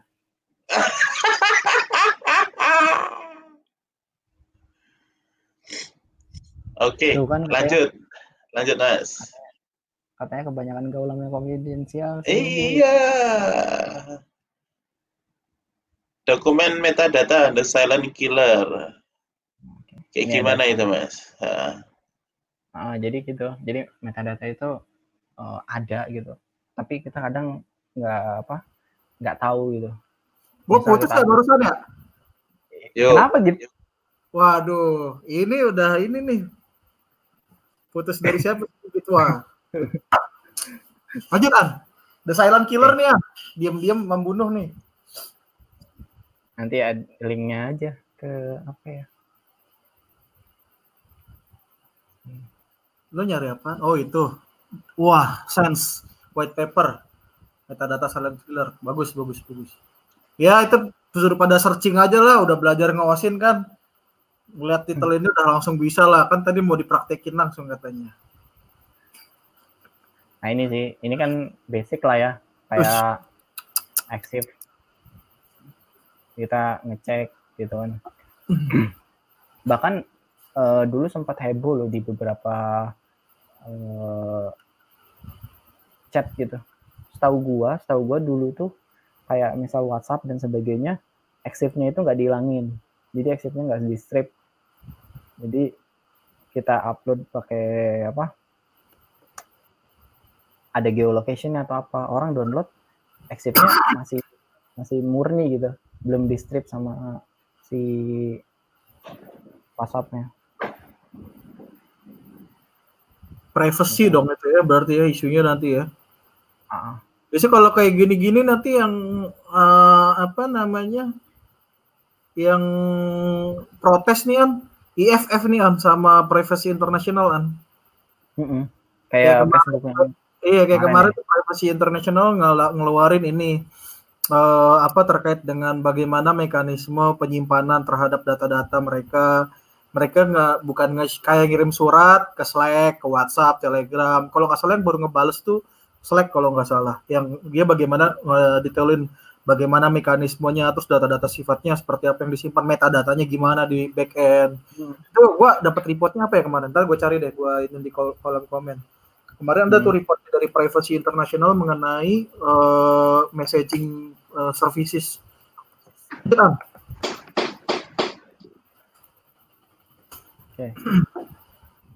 terus ada juga namanya reverse image search.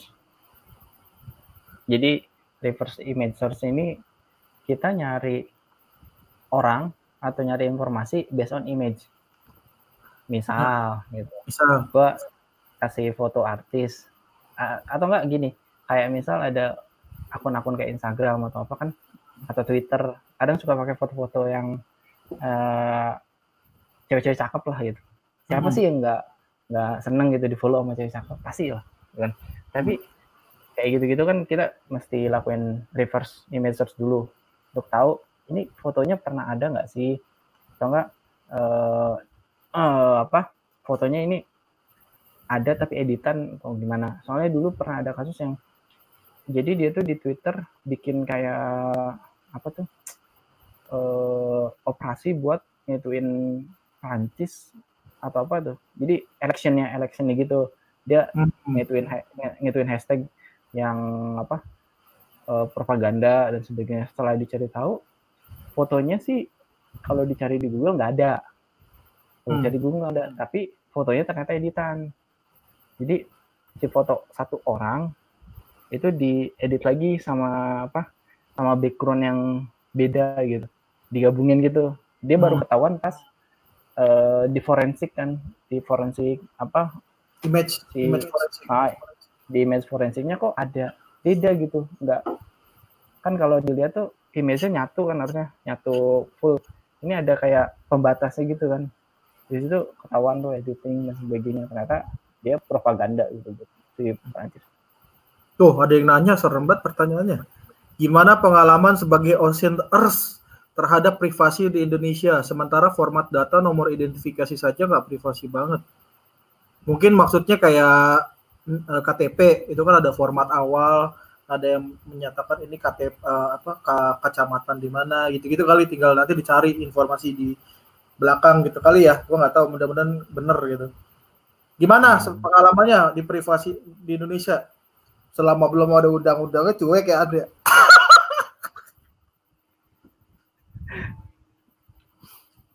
Ya kayak gitu kan apa niat awalnya kan emang untuk memudahkan kan buat identifikasi dari government sendiri kan. Kita nggak bisa komplain apa apa Kijang satu masalah, masuk? masalah masalah gampang enggak kan itu tergantung gimana datanya di expose ya. Hmm. sekalipun Serius, sekalipun, serius, serius. ya sekalipun sekalipun kita punya format data yang misal berurut gitu oh ternyata ini tuh dari rumah eh da, bukan maksudnya ini tuh dari daerah mana dan sebagainya gitu kan itu tergantung data da, segimana kita ngekspos gitu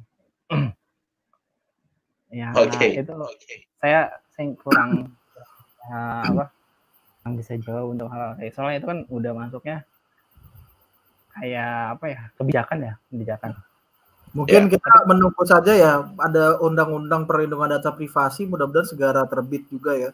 Jadi ada semacam undang-undang yang mengatur bagaimana data-data privasi ya. Karena kalau kita ngomongin privacy itu kita agak telat sih ya dari Filipina yang punya Data Protection Act kalau nggak salah itu bahkan udah punya. Jadi organisasi juga nggak berani sembarangan tuh melik Hmm. atau bukan melik siapa kalau ada kalau ngelik dokumen kalau berhasil dilik jadi dapat kena denda gitu kayak semacam GDPR lah kalau di Europe Iya. gitu kan. Kalau lu nggak bisa menjaga data-data customer lu dengan baik lu kena fines eh, berapa juta dolar atau berapa persen dari benefit atau profit lu setahun gitu kan. Itu lebih mengancam jadi mereka lebih lebih aware. Ya mudah-mudahan UU undang RUU PDP ini bisa segera di ini juga gitu.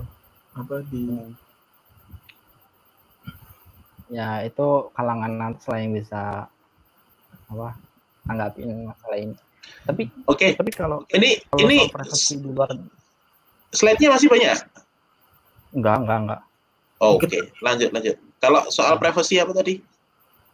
ya jadi kalau soal privasi di Indonesia sih kalau bisa dibilang kecil bukan soal kecil sih cuman masalah uh, awareness-nya yang mesti ditingkatin gitu kan kayak ya kayak yang gue bilang soal orang masih mau jalan-jalan terus paspornya dipoto terus dipakein apa tiketnya gitu kan itu kan hal-hal yang biasa gitu loh cuman kan kalau nyangkut privasi itu privasi harusnya kan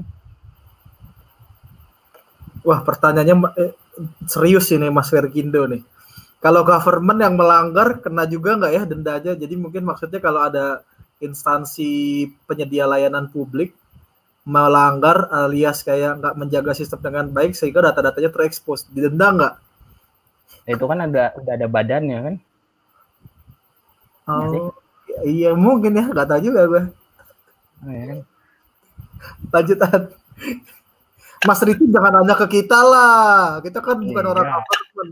Nah, kamu ini ini kan kayak kayak apa Google Reverse Image kayak gini kita cukup buka image.google.com nanti kita taruh image apa Mas Aan nemu gebetan kan cewek di reverse image biar tahu Facebooknya mana gitu ya. Misalnya nggak tahu Enggak namanya gitu kan.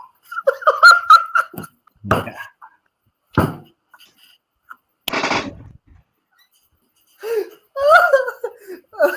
Lanjut, lanjut. Ada juga TNA Hmm. biasanya kalau buat reverse image pakai ini sih. Dari yang dari Google terus ada TNA di sini eh, bisa ketahuan dia ada di mana ini kayak gini. Kayak di di bawah tuh ada phone di hashtag.php dan sebagainya. Jadi kita Hmm. bisa langsung cek ke sumbernya. Terus oke ini sosial media. Ini kayaknya eh, ah ini ini satu yang saya suka ini. Ada kalau di Twitter namanya social bearing. Wah, buat bener ini. analitik si orang. Bahkan di bawahnya itu di kita kita bisa tahu sentimen analis dia tuh kayak gimana. Dia great good netral terus top domain yang sering di share terus dia pernah interaktif sama siapa dan sebagainya. Itu lumayan sih sendiri gini terus Ini malam minggu kerasa malam Jumat ini. Tadi lo, bentar, bentar, bentar. Gawat, jadi nggak fokus. Gue jadi ini. Lanjut, lanjut An. Oke. Cangkrik.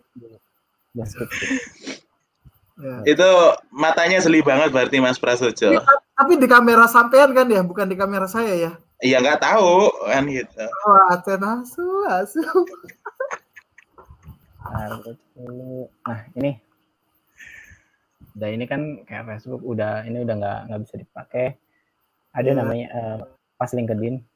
Biasanya ya yang gue bilang tadi kita mau cari employee terus feature specialty role dan bakal yang menurut gue epic tuh gini ini paling epic banget Apa tuh?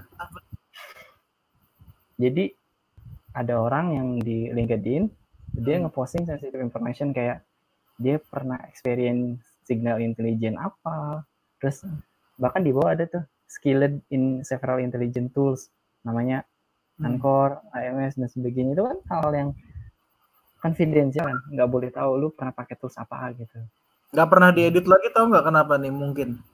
Mungkin orangnya ciduk udah diambil sama musuh negara yang lain. Ayo, ayo, ayo. nggak nggak tahu lah yang jelas ini bagi gue cash ya. Cashnya menarik gitu.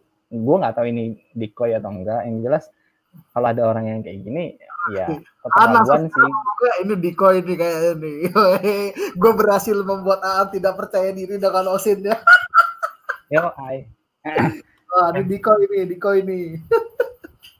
Terus, nah ini udah mau hampir selesai Iya. jadi ada beberapa lah beberapa automatic tools dan sebagainya. Terus ini Oh, Spider gua juga ah, itu. beberapa tools yang inspirasi gue juga waktu pas pertama bikin.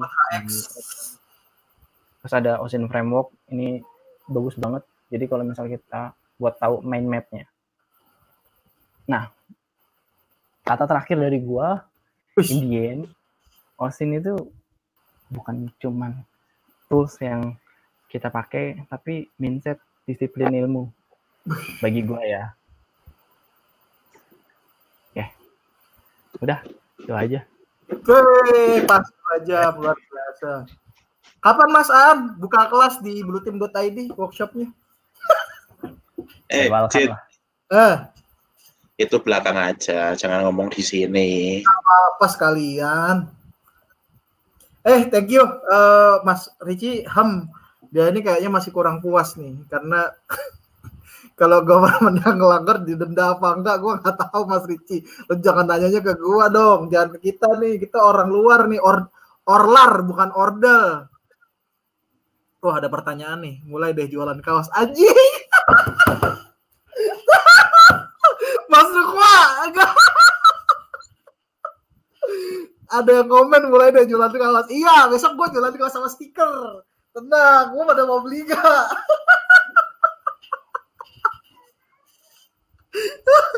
Itu apa-apaan? Gak kapok apa rekrut Rukma? Aduh. Tanya Mas, ada gak aplikasi yang kombinasikan beberapa teknik OSIN? Maltego, Belati, dan referensi lain. Oh, ditanya ada nggak? Bisa diadain ya Mas An ya? Kalau budgetnya cukup gitu. iyalah itu tergantung gitu. Enggak, itu ada mas, ada pertanyaan. ya eh, Pernah nggak? apa? Anu khusus yang gabungin itu semua. banyak sih gitu. sekarang udah udah udah banyak juga terus juga kita bisa bikin kayak Maltego itu kan dia juga Hmm. ngasih hook ya Transformnya banyak ya Maltego ya. ntar baterai gua habis sorry Oh, ada lo habis. Ya, ya. Cas dulu dah. Lu nggak apa-apa ngambil charger dulu nggak apa-apa. bentar Ah, bentar. Jualan kaos jadi inget. Wah, jadi inget siapa nih dia nih? Waduh. Gantung gitu. Gue tahu sih maksudnya dia siapa. Gue gue gak tahu. Yang jelas yang jelas gak jadi bikin kaos dah gue. Dipakai sendiri, gue pakai sendiri. Aja Mas. Emang mau bikin kaos apa Kaosnya si Dev dong. Kan Iya. ah, kan. Tanyanya suka yang mancing-mancing gitu deh. kita jual satu kaos harganya satu juta lumayan lah buat buat ini kan isi Enggak, enggak. Janganlah, nanti enggak fokus belajarnya kurang asik. bisa diimplementasiin bisa kak buat digital marketing sama kompetitor yang tadi gue bilang dia maksudnya ada bisnis intelijen. Hmm. nantinya itu computational data. Om Aan. Tosin bisa nggak diimplementasikan ke digital marketing? Terkait komputer gue masih belum dapat ininya nih message-nya. Bisa nantinya jatuhnya ke kayak apa bisnis intelijen gitu. Terus Hmm. nanti eh, apa data-data terkait kompetitor. Biasanya gitu sih. Berapa tarifnya oh enggak itu bukan pertanyaan dari orang tuh tuh Om Rukma bilang katanya kaosnya bisa nyala dalam gelap oh ya tenang itu kalau Enggak, yang enggak. berat Itu itu ntar harganya itu beda lagi itu. Dia cerita maksudnya Mas Aswar itu keinget gitu. Aku nggak tahu itu. Mas Dicit tahu kayaknya. hmm. enggak aku nggak tahu Ya udah. Oke. Eh untuk topiknya kayaknya gini aja. Sorry nih hari ini gua kayaknya lagi nggak fit jadi eh, Lu berapa istirahat kali? Iya, dikit harus aneh ayam, ayam goreng. Eh flip Nanti- burger. Nanti kalau ada apa ya istilahnya keinginan atau wah lanjut lagi lah mas itu apa cerita tentang mesin ya nanti bisa dijadwalin lagi. Gitu ya mas Dicit ya sama mas online workshop di eh eh ini apa eh, nanti kalau misalkan memang eh, Dicit lagi Rukma lagi ya nanti bisa gantian host. Ya mas Dicit ya. Itu kita nanti yang nonton. Nah, soalnya kan Siap. kan cuma Timon nanti tenang aja nanti ada ada waktunya kita kasih kesempatan untuk jadi host. Biar dia nggak ngecehin kita terus kita ecehin gali gitu kan ya Mas Rukma ya. iya Setuju nggak? Kamu kan udah disikatin mulu nih. iya dari kemarin Hmm, emang. Dia gitu dia, centangnya emang. Referensi terus digital marketing loh. Ini kan ada yang jalan.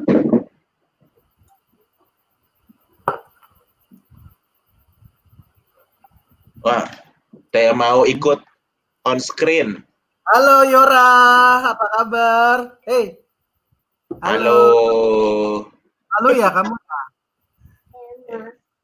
Ini Iya. ada security defender cilik. Iya.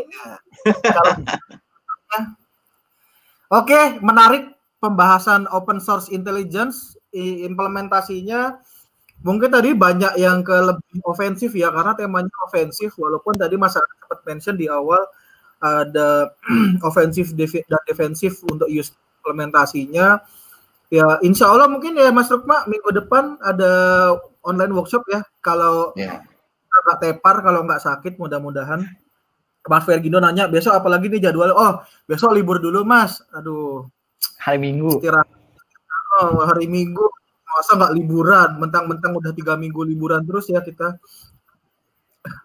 Jadi nanti insya Allah mungkin minggu depan ada course eh, nanti kita eh, sharing buat community juga ya, di learning management platformnya di Blue Team Blue Team ID Eh, mungkin terima kasih buat teman-teman yang jam setengah 12 masih join. Eh, ini eh, konstan ya sih ininya angkanya tetap di angka 32 luar biasa. Luar biasa. Thank you, thank you. Ini eh, para teman-teman mudah-mudahan walaupun di tetap di rumah tetap bisa produktif, stay health, eh, stay safe. Eh, sampai jumpa mungkin di lain kesempatan Mas Aan. Terima kasih waktunya sudah sama teman-teman Cyber Defense, CDEV Community. Buat teman-teman yang ingin bergabung, silakan masuk ke websitenya CDEV, cdef.id, ada bergabung di Slack channel untuk diskusi. Dan nantikan nanti eh, podcast-podcast dan webcast-webcast bersama eh, teman-teman CDEV, ya. Eh, silakan subscribe channelnya juga. Mas Rukma, silakan mungkin ada closing remarks dari Mas Rukma ke teman-teman. Eh, Iya tadi untuk istilahnya apa eh, your knowledge aja jadi diterapkan lalu diterapkan ya itu ya istilahnya diterap kalau misalkan mau menerapkan ya risknya ditanggung sendiri karena memang ini hari ini kebetulan juga sensitif sekali bahasannya ya mohon kebijakannya untuk diterapkan eh, dalam setiap action yang merujuk dari video ini ya aja sih mas Didi. Wah, dijaga Mas Rukma. Oke Mas Aan, terima kasih, uh, terima kasih teman-teman uh, si Dev.